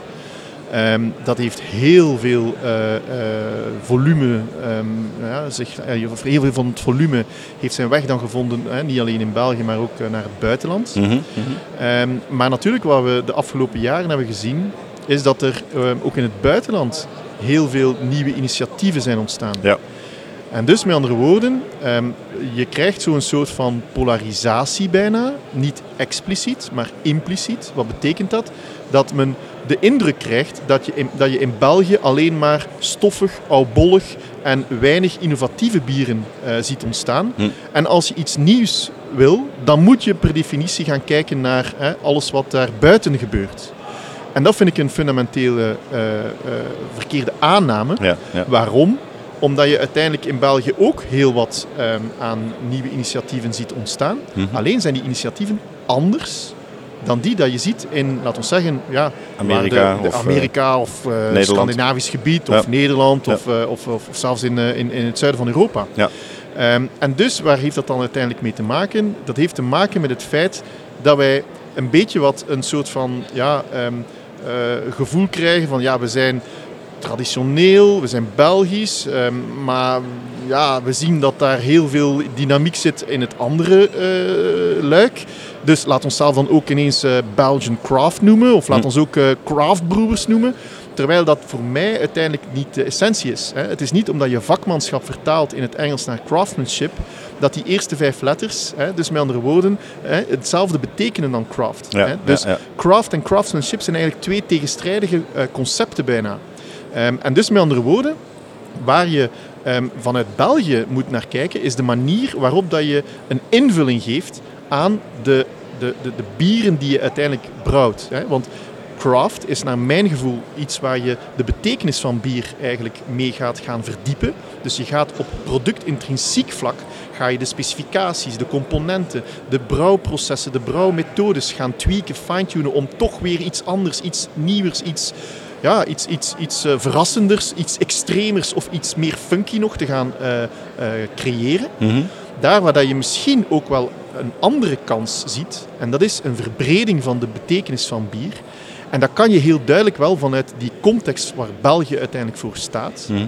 Dat is een context waar dat je inderdaad een bepaalde traditie hebt, waar dat je dat vakmanschap hebt, waar dat je ook nieuwe initiatieven hebt, maar dat je dat doet van op een manier waarop dat je eigenlijk de betekenis van bier voor de mensen gaat gaan verbreden. Ja. En dus dat je naast het bier, dat van een outstanding kwaliteit moet zijn, uiteraard, dat is een premisse waar altijd moet aan voldaan En zijn. dat lukt jullie vrij aardig in België. Dat proberen we toch te doen. Ja, ja, En ik denk dat we die reputatie nog steeds hebben. En, Zeker, en dat, dat houden we voor alle duidelijkheid zo. Maar dat je daar dus een dimensie moet bijlen bovenop leggen. Hè. Ja, ja, en dus there is more to it than just hè, the liquid. Ehm, maar je krijgt eigenlijk een brede cultuur. En je moet eigenlijk een beleving aanreiken. Daar komen we zo op. Even tussendoor, eh, Belgische brouwers. Voor degenen die dat niet kennen. In Nederland heb je de Nederlandse Brouwers, het voormalig Centraal Brouwerijkantoor. Daar zijn 18 leden, of, nee, 12 leden inmiddels, eh, uit mijn hoofd gezegd.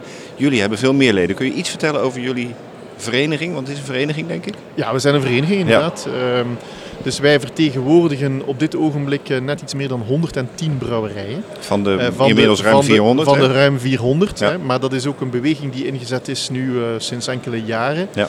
Ehm, nu in volume vertegenwoordigen we 99,9% van Ja, de markt. hè, dus van de consumptie of van de productie.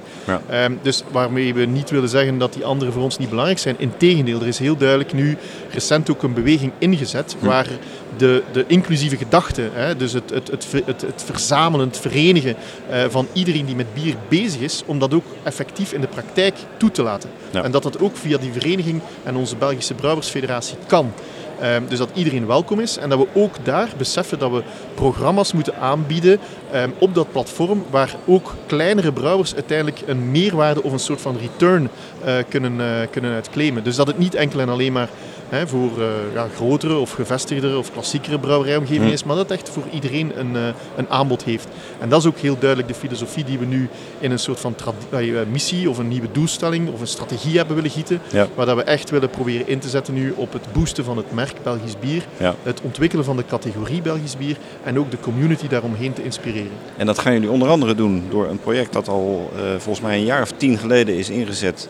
Het beursgebouw in Brussel. En dat gaat nu echt bijna zover komen. Hè? Kun je daar iets meer over vertellen? En dat past ook helemaal bij het, het verhaal van die beleving waar je het net over hebt gehad.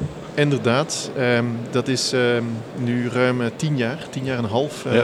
dat ik eh, gestart ben eigenlijk met eh, dat project. Het was aanvankelijk een, eh, een haalbaarheidsstudie voor zes maanden. Ja. Eh, en ondertussen ehm, ja, kijken we nu toch eh, al ehm, naar een, eh, of stiekem toch al naar de opening. Eh, we durven nog niet echt meteen een vaste datum op te prikken. Maar wanneer maar in het? principe zou het moeten zijn de tweede helft van volgend jaar. Oké, ja. Ehm, en dus dat is inderdaad een, een interactief ehm, eh, bezoekerscentrum, geen museum.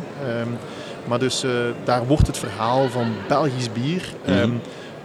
verteld. Dus ehm, de, de werken aan het gebouw, een geclasseerd gebouw, binnen, buiten, ehm, dat, ehm, dat wordt nu helemaal gerenoveerd, is bijna klaar. En parallel worden er nu in de ateliers zeg maar, van, ehm, van eh, ja, gespecialiseerde bedrijven, wordt eigenlijk nu het, eh, het, het scenografische parcours voorbereid, gebouwd, klaargemaakt. En van zodra de ruimtes zeg maar, stofvrij worden opgeleverd, en dat begint nu vanaf de tweede helft van dit jaar, Mhm. gaan we eigenlijk stap voor stap daar ook fysiek dan het, parcours gaan inbouwen. Dus het is, het is een, een, een, een reis zeg maar, doorheen, ja, doorheen Belgisch bier en, en, en het verhaal dat we daarnet ook een klein beetje wat hebben willen proberen te vertellen, Ja. ehm, moet daar tot leven komen en moet ehm, op jaarbasis toch minstens 400, 450.000 bezoekers eh, kunnen bekoren. En dat is een project, eh, ik, ik weet niet of je bedragen wil noemen, maar ik kan me voorstellen dat dat vele tientallen miljoenen kost. Ja, ehm, dat is inderdaad zo. En de, de prijzen de dag van vandaag eh, die, die, die, stijgen natuurlijk eh, overal. En dus dat Ja. voelen we daar ook. Maar dat wordt door de leden gedragen. De leden Wel, we hebben, we hebben, het, is, het is een publiek-private samenwerking. Wat betekent dat wij ehm, samen met eh, verschillende overheidsniveaus, dus eh, de stad Brussel, het Brussels hoofdstedelijk gewest, de federale overheid, dus de, de, de, de, overheid België, Ja. maar ook Europese middelen hebben aangesproken. Naast ehm, uiteraard ook een substantieel deel dat vanuit de brouwers eh, zelf wordt eh, eh, ingebracht. Ja. Ehm, maar de complexiteit wil natuurlijk dat ehm, dat gebouw, wat een publieke eigendom blijft, dat daar heel, heel, heel veel geld nu ingepompt moet Ja, worden om dat eigenlijk te transformeren naar een omgeving waar je een eh, exploitatie hè, van die schaal in kunt mogelijk maken. Ja. Dat betekent dat je moet rekening houden met bezoekersstromen, dat je daar een toegankelijkheidsdimensie moet kunnen bovenop leggen. Ja. En dat doe je niet zomaar. Ehm, want je kan ook niet eender wat doen. En dus de impact van ehm, de renovatiewerken eh, van dat gebouw met het oog op die bestemmingswijziging hè, van een vrij introverte omgeving, hè, een beursactiviteit, naar een, een extraverte ja, eh, publieksattractie, Ja. Ehm, dat heeft wel ingrijpende gevolgen. Ehm, en dus het grootste stuk van de middelen, ja, die gaan natuurlijk wel naar die renovatie. Ehm, wij hebben ons engagement gegeven om een, een, een substantiële bijdrage te doen in het bezoekersparcours. Ja. Dat lijkt me ook meer dan evident. Je Ja. gaat niet vragen aan brouwers om deuren en eh, eh, raamkozijnen te Nee. gaan financieren Nee. in een gebouw dat het hunne niet is. Ehm, maar dus op die manier ja, zitten we met een substantieel eh, eh, investeringsbudget Ja. eh, overal. Hè, maar blijft eigenlijk de, het aandeel en het afgesproken stuk, laten we zeggen, rond het scenografisch parcours, blijft wel onder controle. Ik heb net jouw presentatie gezien en het einde van die presentatie ging onder andere over het nieuwe beursgebouw en, en wat slides over hoe het eruit komt te zien. Ehm, wat mij daarbij opviel is, er wordt niet gesproken over merken, brands. Hoe gaat dat straks in, in, in dat ja, museum, noem ik het, maar het is geen museum, het is een, een belevingscentrum. bierbelevingscentrum. Eh, eh, Is daar ruimte voor merken of juist niet? Ik bedoel, zijn er dan grote brouwerijen die natuurlijk iets meer budget hebben, die zeggen van ja, wij willen daar toch wel heel duidelijk met ons merk naar voren komen? Kan dat? Of zeggen jullie van nee, het moet alleen over Belgisch bier gaan? Wel, ehm, waar ik onwaarschijnlijk eh, tevreden over ben, dat is dat wij doorheen die tien jaar een ehm, manier gevonden hebben. En ik denk dat dat voor het eerst is in de geschiedenis van eh, eh, de Belgische brouwerijwereld. Mhm. ehm, om gezamenlijk eigenlijk de, de, de, de kracht en het merk Belgisch bier voorop te plaatsen. Ja. En dus heel concreet betekent dit dat we ehm, eh, de volledige bezoekersstroom eigenlijk, of het inhoudelijke aspect van de verhaallijn, Mhm. dat we dat opgedeeld hebben in zes thematische zones. Mhm. Die eigenlijk ondergebracht worden in bepaalde fysieke ruimtes in het gebouw. Dus waar je gaat eigenlijk de ontdekkingsreis krijgen doorheen de wereld van het Belgische bier. Ja. Maar je gaat ook tegelijkertijd het gebouw ontdekken, zeg maar. Dus doorheen dat bezoek. Ehm, maar de zones 1 tot en met 4 zijn volledig generiek. Dus dat maakt dat we echt de, de, de, de, de kracht van het merk Belgisch bier nog Ja. veel meer een gedragen lading kunnen geven. Bepaalde dimensies daar kunnen aan koppelen, waar finaal in de toekomst ook iedereen de vruchten gaat kunnen van plukken. Ja. En dat het niet iets is waar ene of andere meer of minder zonlicht kan gaan, rond gaan opeisen. Ja. Ehm, en dan krijg je natuurlijk op een bepaald moment, in, in de vijfde zone, ehm, een, een gigantisch eh, diversiteitsaspect. Hm. Want laat ons eerlijk zijn, Belgisch bier, een van de assets daarvan is internationaal ook, hè, of onderscheidende elementen, is ook de diversiteit. Nergens ter wereld vind je hè, een dergelijk eh, eh, aanbod aan verschillende geuren, kleuren, stijlen, smaken, aroma's, alcoholpercentages en noem maar op. Ja. Ehm, dus dat moet je ook tot uiting brengen. Hè? Want men verwacht ook op een bepaald moment wel om dat biertje waar men zo vertrouwd mee is of heel graag drinkt, om dat ook ergens te kunnen zien. Ja. Ehm, dus met andere woorden, er wordt een hele lange, heel grote bierwal gemaakt. Ja, ja, ja. ehm, met heel veel verschillende eh, eh, bieren erin. Hm. Ehm, de ambitie is om eh, richting 1500 te gaan. We gaan, we gaan kijken of dat ook effectief lukt. Hm. Dus dat wordt ook een foto-opportunity moment. Ja. Maar wat we vooral willen doen, dat is om mensen hun eigen persoonlijke smaakvoorkeuren in bier te laten ontdekken. En dus op die manier hen ook een klein beetje op weg te helpen om te gaan experimenteren binnen dat brede spectrum aan verschillende smaken, geuren en kleuren. Hm. Ehm, en dus niet noodzakelijk altijd te blijven vasthangen bij datgene wat men al kent, maar ehm, ook eens te gaan eh, proeven van datgene wat daar heel dichtbij hoort. Ja, hè. ja, ja, ja. Ehm, en dus, dus daar hebben we een bepaalde opstelling voor eh, bedacht en die worden nu, eh, nee, dat wordt nu concreet gemaakt. Mooi, klinkt goed. Heel veel succes en we kunnen niet wachten tot de opening daar is. En dan komen we daar zeker over schrijven en misschien met Bierradio een mooie podcast opnemen. Ik eh, verwelkom, verwelkom jullie liever met, eh, van gans harte. Heel fijn, dankjewel Dank je. Christian. En we gaan op de foto en we hebben een nieuwe gast aan tafel in onze Bierradio Brewpot, de special die we deze dagen opnemen eh, op de beurs Beer Experience in Antwerpen. En we hebben nu een, ja, stelt u zichzelf eens voor mevrouw. Eh, ik ben Evelien, eh, business manager bij Le Coq Flavors. Eh, wij zijn een bedrijf die aroma's pro- produceren voor de voeding- en de dranksector. En ja, dan sta ik, wij staan toevallig tegenover u, dus ik sta al twee dagen naar jullie te kijken. Een prachtige stand, Le Coq Flavors. En dan denk ik van, hoe moet ik dat... Ik weet natuurlijk dat er heel veel smaken worden gebruikt in de, in de bierwereld, maar hoe, hoe werkt dat specifiek, bier en, en, en flavors? Wat doen jullie? Dus wij helpen de klant eigenlijk hun bieren of hun eindproduct te optimaliseren qua smaak. Hè. Zij hebben meestal hun eigen receptuur en hun doel waar ze naartoe willen. Uh, maar soms bereiken ze met, uh, met, met hun eigen creatie niet de gewenste smaak. En die kunnen ze dan gaan uh, opwaarderen door een aroma of een klein tikkeltje smaak toe te voegen. Ik denk bijvoorbeeld aan kriek. Hè. Het is, een kriek wordt gebrouwen, maar het is heel moeilijk om, om, om heel sterke krieksmaak te verkrijgen. Dan gaan we sappen toevoegen. Uh, als dat nog niet voldoende is, kan bijvoorbeeld ook nog een kriekaroma toegevoegd worden. En is dat dan, uh, want er zijn natuurlijk veel brouwerijen die ook siropen en dergelijke gebruiken. Uh, uiteraard veel brouwerijen die met verse krieken werken. Maar is dat dan, op basis waarvan worden jullie aroma's toegevoegd? Uh, als het over sappen gaat, zijn het geconcentreerde sappen. Hmm. Als het over aroma's gaat, dan uh, werken wij uh, op verschillende manieren. Ofwel zijn het distillaten van, van een product, van, van, een, van een vrucht of, of, Ja. of, of, of een kruid. ofwel is het een inf- infusie, dus iets dat heel lang getrokken is geweest, Mhm. waar, waar we uit de smaak halen. Dus een infusie is, is een samenstelling van het product met water en alcohol. Die x, x maanden gaat trekken eer we een, een, een goed smaak hebben bereikt. Ofwel gaan we aroma's samenstellen uit verschillende grondstoffen tot, tot een smaakaroma. Hè. Die grondstoffen kunnen natuurlijk zijn of niet natuurlijk. Dus dat is eigenlijk een chemisch proces met natuurlijke of niet-natuurlijke grondstoffen. En aan wat voor smaak? Want ik zie in jullie prachtige stand eh, een ka- hele carousel staan met allerlei smaakjes. Wat voor smaken kunnen we allemaal aan denken, met name voor de bierwereld? Oh, heel, heel uiteenlopend. Fruitsmaken zijn heel fel in trek. Mhm. Uh, maar wij volgen de trends. Uh, wij geven ook advies aan onze klanten wat de trends zijn, zodanig dat zij ook voor hun doelgroep kunnen volgen. Uh, eind vorig jaar, mee naar de winter toe, was er een trend van yuzu en lim limoen uh, aroma's. Maar uh, je kan ook vanille toevoegen aan je bieren. Heel veel vruchtenaroma's worden gebruikt. ook zuren. niet dat, u, dat het bier zuur gaat smaken, maar alleen om toetsen te geven. Ik denk aan appelzuur, citroenzuur, melkzuur zelfs wordt toegevoegd aan bier.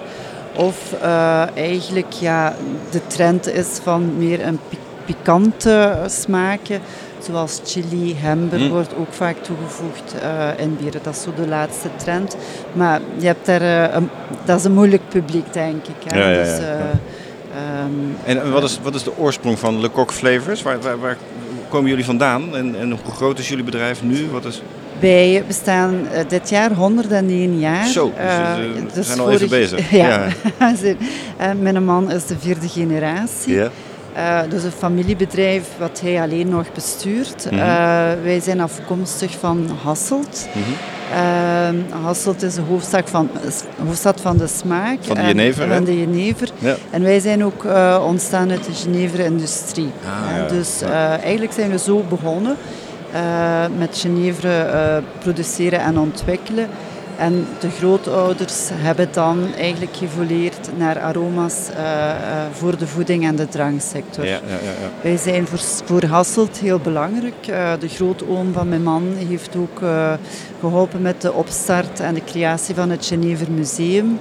Dus uh, we hebben een, een, een uh, geschiedenis al achter de rug. We hebben er Mooi. ook een mooi geschiedenisboek over geschreven, over ons 100 jaar. Ja, ja. Dus er zit heel veel expertise in huis, maar we gaan nog steeds verder. Ja. Dus de toekomstvisie is uh, innovatie op vlak van technologie en, en producten, aroma's dus. Maar ook uh, we gaan innoveren met het bedrijf. We worden steeds groter. De, de laatste twee, drie jaar zijn we 35% gestegen in omzet. Zo. ondanks uh, heel het corona-verhaal. Ja, ja. Uh, en de, on, onze um, opportuniteit is om dat verder te zetten Ja, en, en graag te verdubbelen. En zo. En doen jullie, eh, als je procentueel moet aangeven, eh, het deel dat jullie in de bierwereld doen, is, daar, is dat 5%, Oh, dat is 10%? moeilijk. Of? Dat is moeilijk. We hebben heel veel kleine brouwerijen Mhm. Eh, en een aantal grote. ehm, Kun je namen noemen of is dat eh, geheimhoudingsplicht? Ja, toch wel. Ja. helaas wel. We hebben heel weinig. we, we hebben moeite met referenties, maar we hebben grote bekende Belgische en internationale brouwerijen. Toch wel, Maar die vragen meestal een NDA-contract, omdat Hm. zij toch ook hun, hun recepturen voor hen willen houden. Ja. En ook de, de bestanddelen voor hen willen houden. Ja. Hm. Nu, maar we hebben toch een aantal heel mooie referenties. Ja, ja. Ehm, we hebben een aantal die wel eh, getuigd hebben in ons boek. Eh, maar dat zijn meestal stokerijen die, Ja, die ja, erin staan. Mooi. Maar zeker. Tot slot, jullie staan hier op deze beurs Beer Experience. Ehm, waarom staan jullie hier? Om nieuwe klanten te werven? Uiteraard. Denk, denk ik, ja. ja. Uiteraard. Eh, nu, het, het was een try-out, het is een nieuwe beurs. Ja. Eh, We, we hadden niet, niet echt eh, een, idee van, van wat het zou worden. We merken dat het vooral de hobbybrouwer is die, die de beurs bezoekt.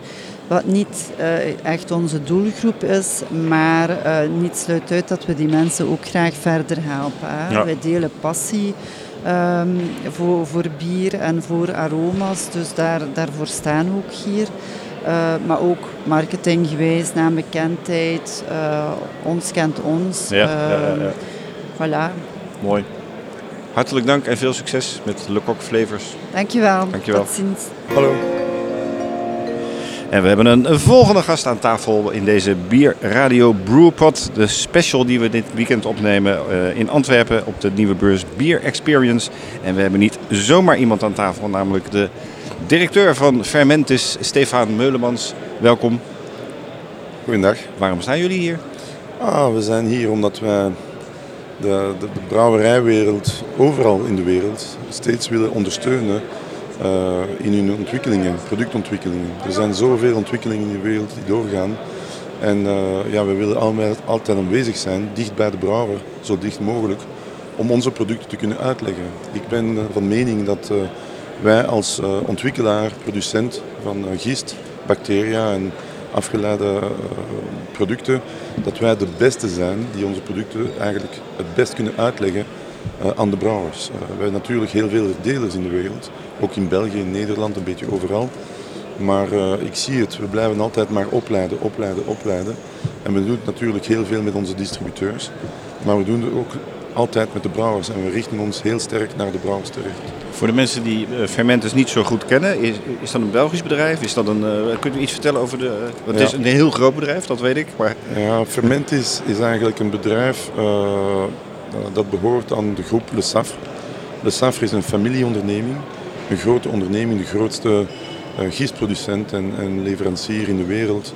Eh, de grootste activiteit van Le Safre is baking, Mhm. dus gist voor baking.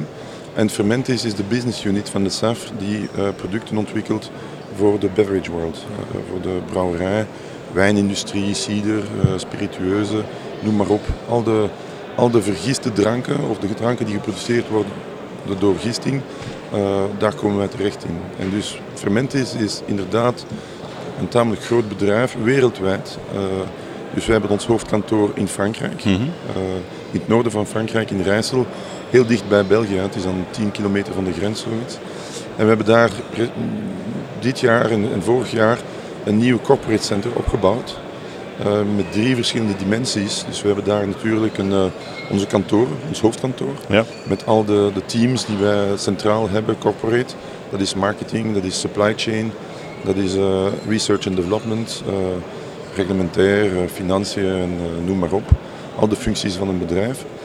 En, maar ook in die locatie hebben we nu een ontvangstcentrum en opleidingscentrum opgebouwd.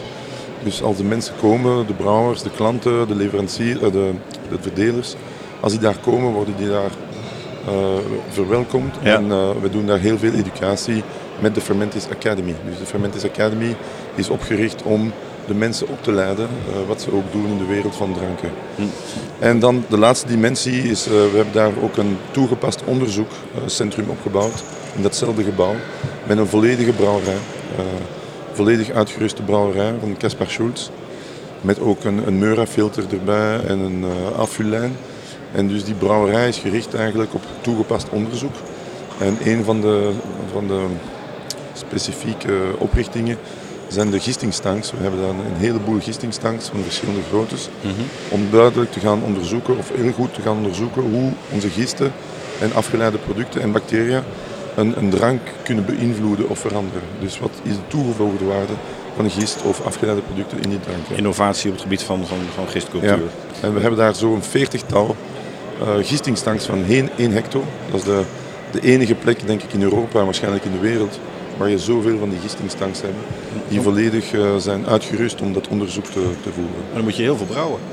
En we moeten heel veel brouwen natuurlijk. Ja. En uh, wie drinkt dat allemaal op? Dus, jullie hebben een hele gezellige vrijdagmiddagborrel waarschijnlijk. Ja, dat, is, dat, is, dat zal zo zijn zeker. Ja. Maar, maar, we zullen no nooit niet alles kunnen uitdrinken. En nee, we zijn ook niet opgericht om, om bier te verkopen. Dus natuurlijk, ja, we, we hebben Fermentis, zoals ik zei, we zijn dus wereldwijd. We hebben 25 kantoren in de wereld. Hm. Uh, wij verkopen dan al de industrieën, zoals ik zei. En we hebben natuurlijk heel veel evenementen. En we hebben heel veel beurzen, heel veel congressen, heel veel allerlei, allerlei soorten, allerlei evenementen. En natuurlijk gaan we ook bier brouwen om uh, aan te tonen wat wij kunnen doen ja. met onze producten in de markt.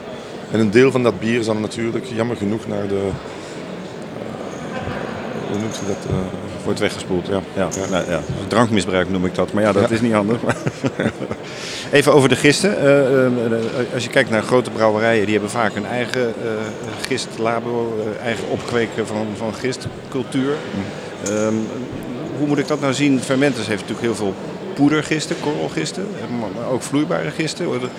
Leveren jullie dan vooral aan, aan kleinere en microbrouwerijen? Of hebben jullie ook een rol naar de grotere brouwerijen die ook zelf uh, gist opkweken? Ja, in, in, onze strategie hebben wij natuurlijk verschillende soorten klanten. En, uh, we hebben de homebrewers, dus de, de, mensen die bier brouwen en produceren thuis. Mm -hmm. Natuurlijk is een groot deel van onze zaak gericht naar de craft brewers. Uh, die kunnen produceren van een, een duizend hecto's of zelfs kleiner per jaar naar uh, een paar honderdduizenden of zelfs meer uh, hectoliters per jaar. En dan hebben we ook een segment waar we ons op inrichten. Dat zijn de industriële brouwers, de grote brouwers, mm -hmm. internationale brouwers. En uh, ja, we hebben een heel belangrijke rol daar ook te spelen. Waar de, natuurlijk de grootste brouwers produceren inderdaad hun eigen gist. Ze hebben hun eigen gist met hun eigen kwaliteit. Maar er is nu in de laatste 20, 30 jaar toch veel uitbreiding gericht naar allerlei soorten bieren. En zelfs de grootste brouwers kunnen niet altijd zoveel stammen uh, beheren. Nee, een, een brouwerij had typisch 1, 2 of 3 stammen maximum. Maar vandaag uh, richt de brouwerij zich meer en meer op naar andere gisten die hun producten kunnen veranderen, waar ze een belangrijke rol spelen. En daar kunnen jullie bij helpen in, in ja. ondersteuning? En... Dat, is, dat, is, dat, is, dat is één richting. Uh, dan die brouwers ook produceren allerlei soorten nieuwe bieren, zoals uh, alcoholvrije bieren of uh, allergenvrije bieren of lichtstabiel bieren. Er zijn allerlei soorten ontwikkelingen die gebeuren waar droog gist, heel zuiver gist, kan gebruikt worden om daar daar een rol te spelen in, ja. in, die producten.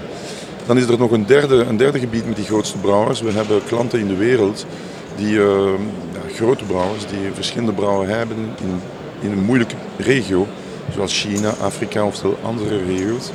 En ze kunnen moeilijk een, een vloeibaar gist beheren voor al die productiesites. En, uh, en daardoor komen ze naar ons toe en vragen ons eigenlijk hun gist, hun eigen gist te drogen en af te leveren in die verschillende brouwerijen die ze hebben. Want uh, droog gist, wat wij safgist of safgist noemen, heeft heel veel uh, waarde. Stabiliteit is natuurlijk één van die waarden. Mm. Stabiliteit in tijd, uh, dus conservatie. Een andere waarde is eigenlijk de versheid. vele mensen zeggen van ja, droog gist is geen fresh yeast. Droog gist is waarschijnlijk de, de, de freshest yeast dat exist. Waarom? Omdat als wij, als wij gist produceren, zetten we gist in de toestand, als, als we die gist drogen, zijn we zeker dat die gist heel hoe moet ik dat zeggen, eh, klaar is om terug rechtstreeks op te starten. Ja. Met veel energie en, eh, en te werken eigenlijk. Duidelijk. En eh, als je kijkt naar eh, de, de vele gistculturen die er zijn. Ik heb ooit eh, gehoord dat de Universiteit van Leuven misschien wel de grootste gistbank ter wereld heeft van alle bieren ter wereld. Nou, ik weet niet of dat zo is, maar is het zo dat jullie ook een enorme gistbank hebben waar eigenlijk zo'n beetje alle bieren van de wereld, eh, bij wijze van spreken, in, in terugkomen? Ja, natuurlijk. Ja. Dat is een van de waarden van een bedrijf zoals Le Staff. eh, en Fermentis is natuurlijk, onze gistbank is enorm groot. Ja. Maar er zijn er veel in de wereld. Er Ja. zijn heel veel gistbanken. Het moeilijkste meestal in de gistbanken is, eh, de mensen hebben gistbanken, maar die hebben de gist niet heel goed gekarakteriseerd. Dus ze weten niet heel goed wat ze in hun bank hebben. Het is niet dat één, één ding is een gist in een bank terecht eh, brengen. Een ander ding is eigenlijk die gist heel goed verstaan. Ja. Hoe gaat die gist werken? Wat zijn de toegevoegde waarden van gisten? Op welke soorten bieren gaan die goed werken? Wat gaan ze best gebruiken, wat gaan ze best gebruiken als grondstof? Waarop gaan ze het best werken enzovoort. Dat is, eh, dat is niet zo gemakkelijk. Dus Nee, we nee. heel veel werk op karakterisatie van gist. Dus we hebben een grote bank van gist waar wij ook weten wat de gist kan doen. wat we ja, kunnen ja. verwachten van die gisten. kennis en know-how achter de gist, eh, dat is eigenlijk nog veel, meer, veel belangrijker dan het, het, het stallen van alle, alle, alle soorten gist. Ja, Eh, eh, de, de, trends en ontwikkelingen eh, op gistgebied, je noemde er net al een aantal. Alcoholvrij bier is natuurlijk een, een enorm groeiende markt op dit moment. Nou, je kan alcoholvrij bier op, op drie verschillende manieren maken, geloof ik. Maar één daarvan is inderdaad door met een bepaalde gist te werken. Kun je daar iets meer over vertellen? Want dat is volgens mij een soort van trage gist die Ja. bij koude temperatuur Kan ik, werkt. kan ik het in het Engels uitleggen? Het zal misschien een beetje eenvoudiger zijn, want mijn Nederlands is een beetje soms... eh, Nou, dat gaat heel goed hoor, Oké. in het Nederlands. Ja, ja. Nee, maar als je dat in het Engels wil uitleggen, prima. Ja, Okay. ja. So when you when you produce alcohol-free beer, uh, indeed you can use different technologies or different ways to do it. The the, the oldest way, uh, the most popular way, many many years back, was what you call the cold contact. Uh, Mhm. cold contact is putting uh, uh, yeah do a fermentation at a very low temperature, where the yeast actually works very very very slowly and doesn't convert to sugars uh, completely or very much actually. But that, the problem with that technology is that it many times it uh, produces acetaldehyde and, and different components, and it makes very worty, very worty sweet products, uh, which are not, which are not, uh, which are not always desired by the consumer. No. The second technology is a very capital-intensive technology, is the de-alcoholization technology, where you take out the alcohol once you have produced a beer. So you produce a beer and then you remove the alcohol from it through distillation, vacuum distillation, or all kinds of methodologies. You can also have microfiltration and, and different technologies. And then the, the third technology is the one that we are focusing on, is a, a true fermentation with a specific yeast. We have a number of maltose negative yeast. So yeast which will not consume maltose. Uh, it's one of the principal sugars you have coming from malt.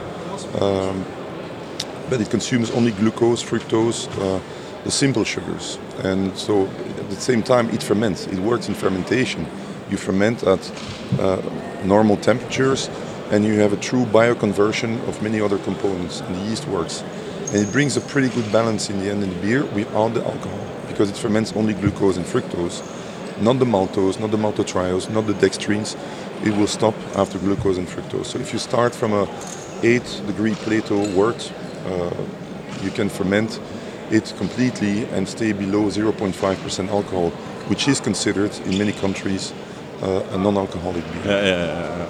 En eh, dat is voor jullie een nieuwe, eh, nieuwe ontwikkeling. Ja. Eh, en, want waarom bestonden dit soort gisten bijvoorbeeld 20 jaar geleden niet? Is dat omdat er toen nog weinig behoefte was aan alcoholvrij bier? Of- Ik, ik denk dat er niet altijd heel goed verstand was van wat gist kon doen in die richting. Ja, ja. En ja, dat is bij ons gekomen door een, een, een... We hebben heel lang gedacht aan welke soort oplossingen konden wij vinden eigenlijk voor die alcoholvrije bier te, te produceren door gisting, normale gisting. En dus we zijn op die gisten terechtgekomen en, en testen te doen. En niet al die gisten werken. En niet al die gisten gaan een goede flavor profile afleveren. Dus we doen heel veel onderzoek. Onder andere in de Fermentis Academy met ons toegepast onderzoekscentrum. Ja. We doen heel veel onderzoek gericht op flavor. Wat gaat die gist uiteindelijk opleveren? Niet alleen maar in functie van relatief toe eh, alcoholproductie, maar ook flavor, aroma en, en taste en, enzovoort. En we, zijn, we hebben nu één product op de markt al twee jaar lang. Dat gaat heel goed. We hebben prachtige bieren gemaakt in de wereld, overal. Australië, in Duitsland, eh, Amerika. We hebben heel veel goede bieren, alcoholvrije bieren. Minder dan 0,5% alcohol. Die gemaakt worden met die oplossing. Maar uh, we zijn nu aan het onderzoeken naar ge- gelijk, ehm, gelijkaardige eh, oplossingen maar die een andere flavor opleveren.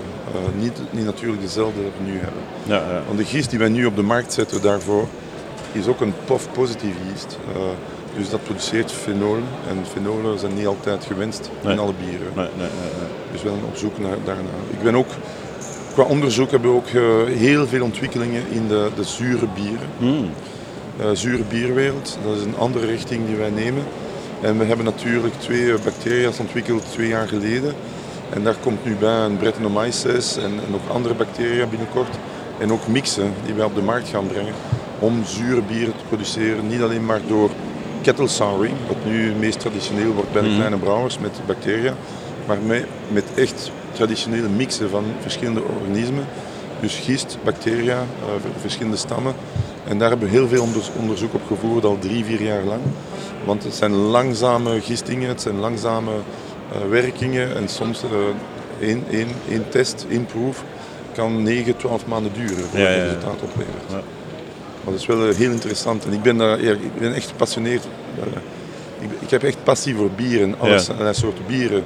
En dus ik probeer fermentis te begeleiden in al die diversificatie in de wereld van al de bieren. Niet alleen maar traditionele bieren, maar ook allerlei soorten. Vandaag zijn we heel sterk bezig met een nieuwe oplossing te, te ontwikkelen voor kombucha. Mhm. Uh, meer en meer brouwers in de wereld produceren ook kombucha. Mhm. Uh, dus dat is ook een ingewikkelde oplossing. Het, zijn ook, uh, zijn ook een, het is ook een cons- consortium van micro-organismen. Het is niet alleen maar een zuiver micro-organisme. Dus we moeten mengsels maken in de goede ratio en dan testen om zeker weten hoe dat die mengsels gaan werken in de toepassing en wat ze gaan opleveren qua smaak, flavor, aroma enzovoort. Prachtig. Jullie hebben volgens mij een schitterend bedrijf en u staat hier zo trots te vertellen. Ja. volgens mij bent u ook een heel trots directeur eh, van deze. Ja, van ik ben heel trots. En, en weet je, ik ben, uh, ik ben nu... Ja, Fermentis is bijna 20 jaar oud. Uh, en de eerste 10 jaar waren niet zo gemakkelijk, omdat de mensen meestal dachten, wat jij zei, dat de brouwers hun eigen gist hebben. En ja, we hebben geen rol te spelen met die brouwers. En uiteindelijk, ik denk dat ze op voorhand in het begin niet genoeg zicht hadden op al de mogelijkheden en de juiste behoeftes van de brouwer.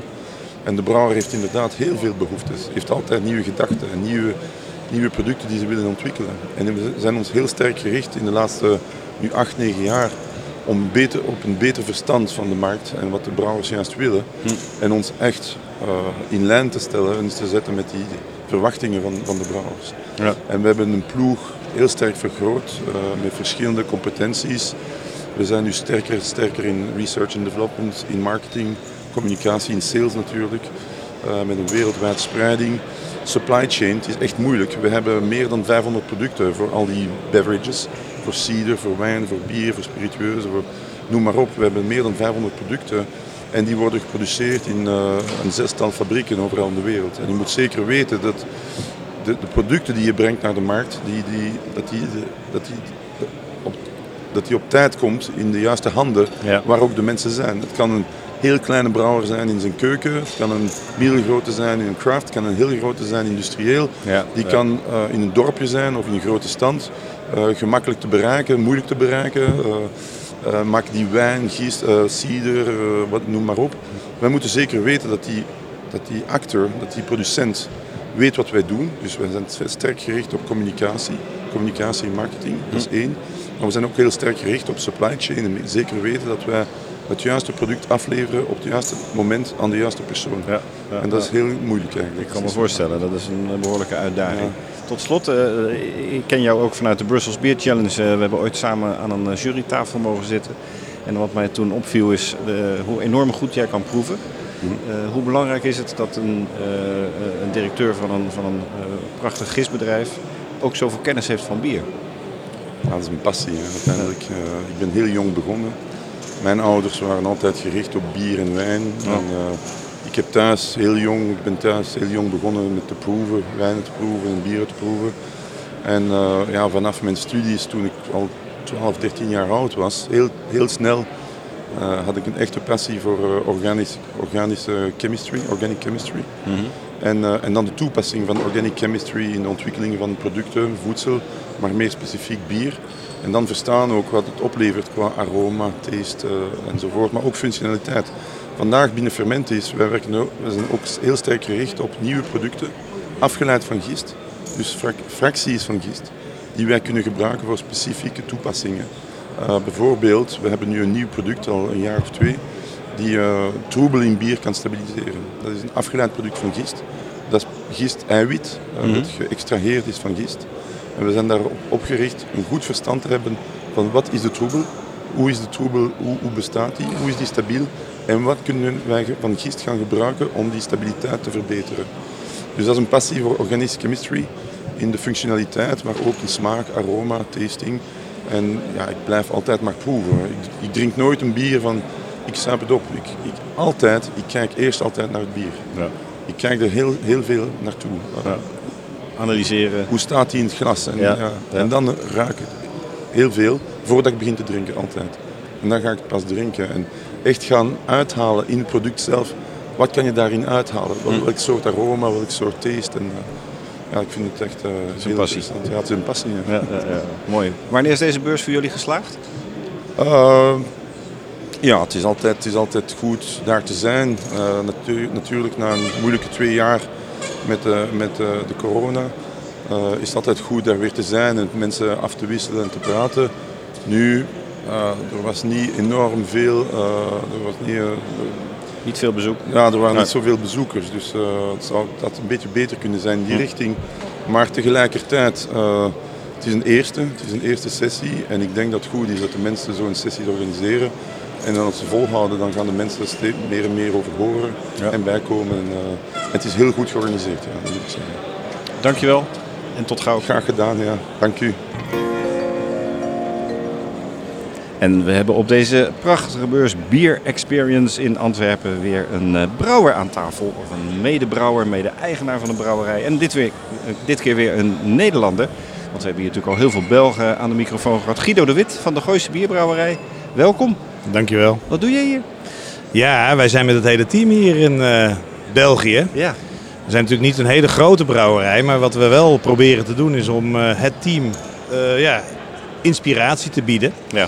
Dat doen we in Nederland, maar het is ook leuk om een keer op... Nou ja, ik, ik stond te kijken hoe dichtbij het eigenlijk was. Ja.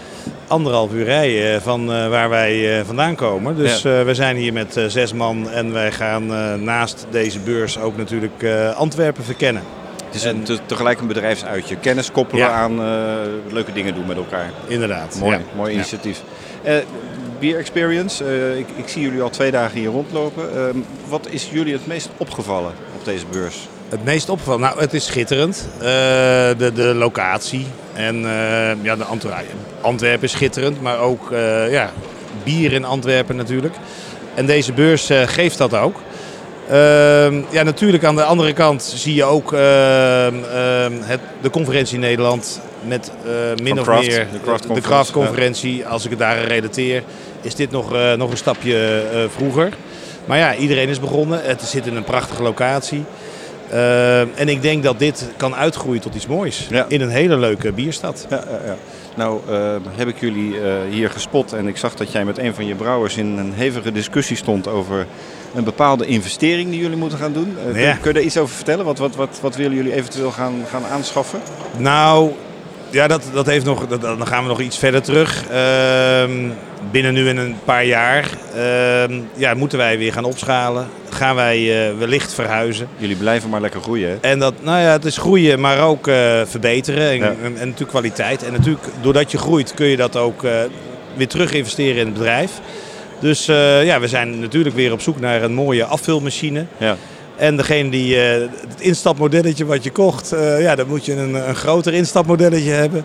Dus we kijken hier naar eh, wat er te koop is en, eh, en of dat geschikt is voor, eh, voor de, de, de wensen die wij hebben. En blijven jullie dan op fles afvullen? Want jullie hebben natuurlijk die hele mooie, authentieke Ja. Gooise bierbrouwerijfles met een eigen li- design en lijn. Of gaan jullie eventueel ook aan het blik? Nou, wij gaan niet zomaar aan het blik. Eh, als in het gooien, maar misschien ook wel erbuiten, is het toch nog best wel lastig om eh, blik te verkopen. Omdat toch mensen dat refereren aan eh, Lidl en aan eh. Aldi en aan goedkoop. En wij verkopen natuurlijk premium bier voor een hoge prijs. Dat kan niet in een blikje, zeker niet in het gooi. Eh, maar ook daarbuiten verwachten ze van ons natuurlijk. dus, dus ja, blik zal vast een keer komen. Eh, wij wachten natuurlijk ook eh, al het, eh, de schermutselingen af. die er nu zich afspelen rond het statiegeld. Wetgeving. en, Die wetgeving, daar zijn we niet helemaal gerust op. Dus het switchen naar blik stellen wij gewoon twee jaar uit. En eh, we verkopen er geen centimeter minder bier om. Dus waarom wel? Dat is ja. eigenlijk nu onze toon. Daarnaast als we verhuizen, we hebben meer ruimte. Waarom zou je dan ook niet een blikkenlijntje doen? Dus dat wij geïnteresseerd zijn in blik, dat, dat staat buiten kijf. Maar aan de andere kant de, de sustainability. Ik weet nog steeds niet goed of eh, fles nou beter is dan blik of andersom. Nee, precies. Daar zijn de geleerden het nog niet over eens. Daar Eh, zijn de rapporten nog niet over uitgeschreven, nee. Klopt. En jullie hebben zo'n mooie fles, dus waarom zou je dat ook wegdoen? Hè, dat is Nee, onderdeel ja. van jullie uitstraling en Klopt. van jullie lijn. En, eh, We hebben ooit gekozen voor een hele mooie eh, etiketteermachine. Nou, die was toch best wel voor ons toen heel duur. Hè, Die was 30.000 euro. Toch wel een bedrag. Ja. Ehm, ja, en normaal schrijf je dat ding af in eh 10 eh, jaar. En dan komt die man weer kijken en die kijkt naar het aantal flesjes wat er overheen is gegaan. Die zegt, ja, die begint te lachen. Die zegt, dat ding is nog gloednieuw. Ja. Dus waarom zouden we zomaar switchen Ja, als het ook goed loopt en het inderdaad een stuk van onze identiteit is? Ja, Afvullijn hebben we het nu over gehad. Wat heb je hier nog meer gezien en wat zijn er eventueel andere dingen eh, waar jullie wellicht naar kijken qua investeringen als brouwer? eh, dat je denkt van hé, nou dat is misschien ook wel interessant voor ons. Ja, het grote probleem op dit moment is natuurlijk eh, wat doe je met ehm, ehm, one-way fusten. Dus daar kijken we ook naar. Ja. Ehm, ja, wij gebruiken Kikek. Die zijn eh, voor geen meter te krijgen op dit moment. Dan hoor ik heel veel brouwers overgaan op eh, staal. Staal is natuurlijk eh, de vraag of dat nou eh, zo Sustainable duurzaam is. wij willen toch wat duurzaam zijn. Ja. Dus wij proberen juist eh, zoveel mogelijk te recyclen. En dat is met Kikek bij ons gelukt om Ja. het direct weer terug te krijgen naar die fabriek. Maar goed, aan de andere kant, ja, als je ze niet kan krijgen. eh, wij, wij- verbruiken zoveel Kikeks op een maand. Ja. Wat moeten we dan doen? En eh, daar zijn we ook naar aan het kijken. Moeten we nou een... eh, Kom je dan bij Kekstar uit bijvoorbeeld? Ja, Kekstar hebben we ook naar gekeken. Ja, maar als het staal wordt en maar 20 liter, dan ja, til jij maar eens 20 liters Ja. met een stuk staal een, een meter omhoog. Dan krijg ik mijn eh, horeca achter me aan. Ja, ja, ja. Dus daar zitten we ook een beetje mee. Eh, maar wat we waarschijnlijk eh, overwegen is om een gesloten systeem voor onszelf. Met een paar grote klanten die wij zelf hebben. Hm.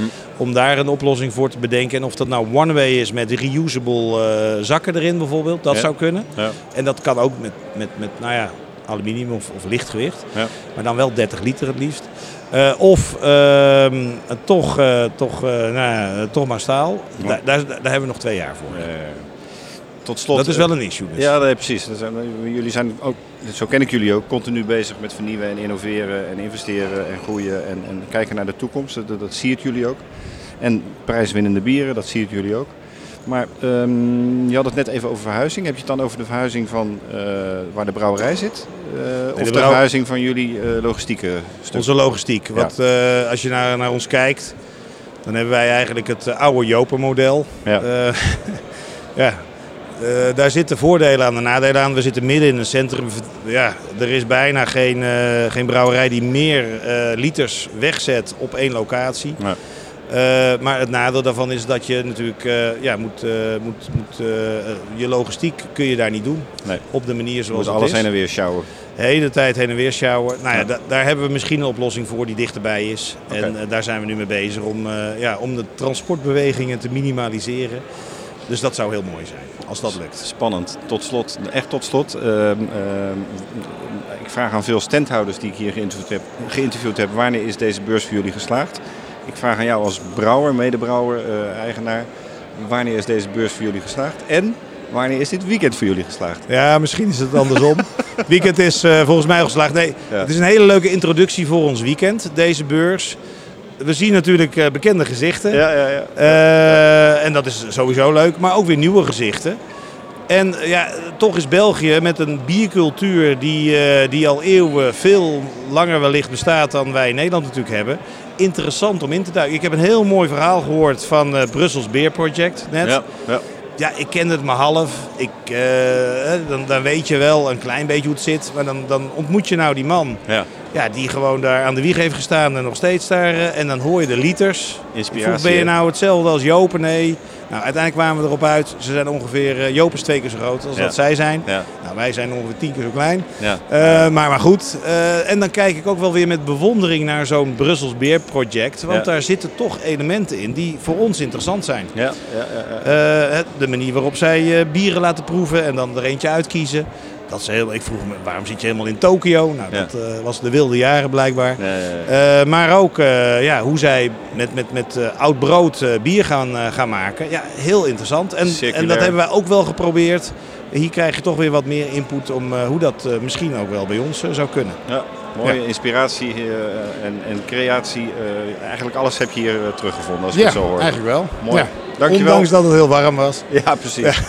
Dankjewel en nog een hele gezellige avond. Want jullie gaan nog naar de Antwerpse Brouwcompagnie. Wij gaan ik, eh, zeker, uit ja, wij gaan nog eventjes, eh, we gaan nog eventjes een rondleidingje doen bij een, eh, nou, bij een bevriende brouwerij hier eh, Antwerpse in. Antwerpen. Die een beetje lijkt op ons, dus dat is altijd leuk. Gaat heel erg eh, leuk worden daar, dat eh, weet ik nu al. Dankjewel. Veel plezier, dankjewel. Jo. Ja, en eh, aan alles komt een eind. En zo ook aan deze podcast. Eh, we waren een heel weekend lang op de eerste Beer Experience in Antwerpen. Eh, prachtige beurs met heel veel mooie standhouders. Helaas met iets te weinig bezoekers, omdat het natuurlijk prachtig mooi weer is. eh, waardoor we concurrentie hadden van de terrassen en het strand. Maar ik denk dat we toch kunnen terugkijken op een, eh, op een hele mooie beurs. En dat gaan we vragen aan Luc de Rademaker, die aan het begin van deze podcast eigenlijk de beurs heeft geopend en ook deze podcast heeft geopend. Nu aan het eind van twee dagen eh Beer Experience Antwerpen. Luc, wat is jouw gevoel? Ik heb eh, gemengde gevoelens. Eh, moet ik echt eerlijk zeggen. Van, eh, ik vond het fantastisch. Eh, 50 standhouders, eh, exposanten van binnen- en buitenland. Belgische, Nederlandse, Engelse, zelfs mensen van Roemenië waren hier. Eh, was prachtig. Bulgarije. Bulgarije, was ik al vergeten. Nee, echt gewoon prachtig. Vrijdag was het vrij goed begonnen. Ah, kleine opkomst, maar een goede opkomst. Met heel veel interessante mensen. Er waren interessante leads.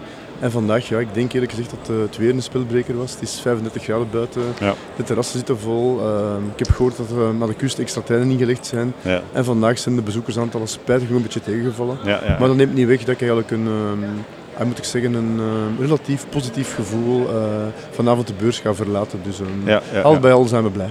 Nou, ik heb eh, de afgelopen twee dagen bijna 20, nee, precies 20 mensen geïnterviewd. En de rode draad, ik heb hun natuurlijk veel gevraagd over wat ze hier doen. eh, zowel brouwers die hier, hier op bezoek zijn eh, als standhouders die hier staan. Maar eh, de rode draad was toch wel steeds dat zij wel uiterst tevreden zijn over de kwaliteit van deze beurs. En ook de kwaliteit van de contacten. Ondanks dat het weinig contacten zijn, maar de kwaliteit van de contacten is wel goed en hoog. Ja, dan zullen we met een positieve noot eindigen. Hè. Kwaliteit boven kwantiteit, zou ik Ja, zeggen. ja. Maar kijk, ah, eerlijk gezegd, we hebben hard gewerkt. Ehm, ik denk dat we een relatief goede job gedaan hebben. Heel veel reclame gemaakt. Denk dat er een plaats is voor zo'n beurs. En eh, we gaan het zeker evalueren. De slechte dingen gaan we proberen weg te werken. De goede dingen nog proberen te verbeteren. En volgend jaar gaan we er gewoon terug staan. Hè. En eh, is het dan toch de overweging om terug te gaan naar de oorspronkelijke datum van februari? Want ja, nu met deze warmte, dat is toch een soort van showstopper. Overwegen jullie dan wellicht om toch te kijken of een andere datum misschien beter past? Maar kijk, voor mij is eh, februari, we hebben ooit een, eh, vijf jaar geleden een studie gedaan, eh, wereldwijd van alle biereventen. We hebben ook x aantal grote en kleine brouwers geïnterviewd en februari is echt de sweet spot. Hm. Februari is van, ah, vanaf 15 januari tot en met eind februari is er eigenlijk helemaal niks. Het is ook een eh, kalme periode voor de brouwers, de feestdagen zijn net over, dus iedereen heeft al, eerlijk gezegd, genoeg gegeten en gedronken. Ja. Dus en vanaf, eh, vanaf februari beginnen terug mensen beginnen buiten te komen, beginnen terug te leven. Maar het is nog winter en de mensen hebben ook tijd. Ik denk dat februari eigenlijk eh, beter is, maar ja, dit jaar ehm, ja, een klein virus uit China heeft er eh, anders over beslist. Er schijnt ook een bier naar vernoemd te zijn, maar dat weet ik niet zeker. Maar... Ja, nooit van gehoord. Tot slot, Luc. sowieso complimenten voor de organisatie van deze beurs. Want ja, dat zag er allemaal prima uit. Maar wat is nou jouw beste gevoel dat overblijft? Even dan hebben we het niet over het aantal bezoekers, maar jouw beste gevoel dat overblijft. Maar eerlijk gezegd, en, ehm, nu ga ik even mouw vegen, dat is wat mooi noemen in België. Onze goede mediapartner, eh Bierradio en Biermagazine. Ik, nee, ja. Nee, dat was niet afgesproken, maar... nee, dat, was, ehm, dat komt echt uit het hart. En Ja. ik meen dat, nee, eigenlijk, wat mij, de reacties van de mensen, van de standhouders, die echt zeiden van, kijk, jullie hebben echt alles gedaan. Jullie hebben alles aan gedaan. Oké, het broekensaantallen zijn wat tegengevallen, maar kijk, het was fantastisch. En dat heeft mij, allee, heeft mij veel deugd gedaan en eh, respect voor die mensen. Ik spreek hier bij de wens uit eh, en ik denk dat ik namens veel standhouders spreek. Hou het vast, probeer het vol te zetten en eh, laat er een mooie brouwbeurs in België blijven bestaan. Maar kijk, de, moet ik zeggen, het zaadje is uitgespreid, het moet niet kieuwen en groeien. En dat gaan we zeker genoeg water geven en dat blijven verzorgen. Dank en complimenten en tot gauw. En proost met een bolleke, het laatste bolleke. Cheers. Cheers.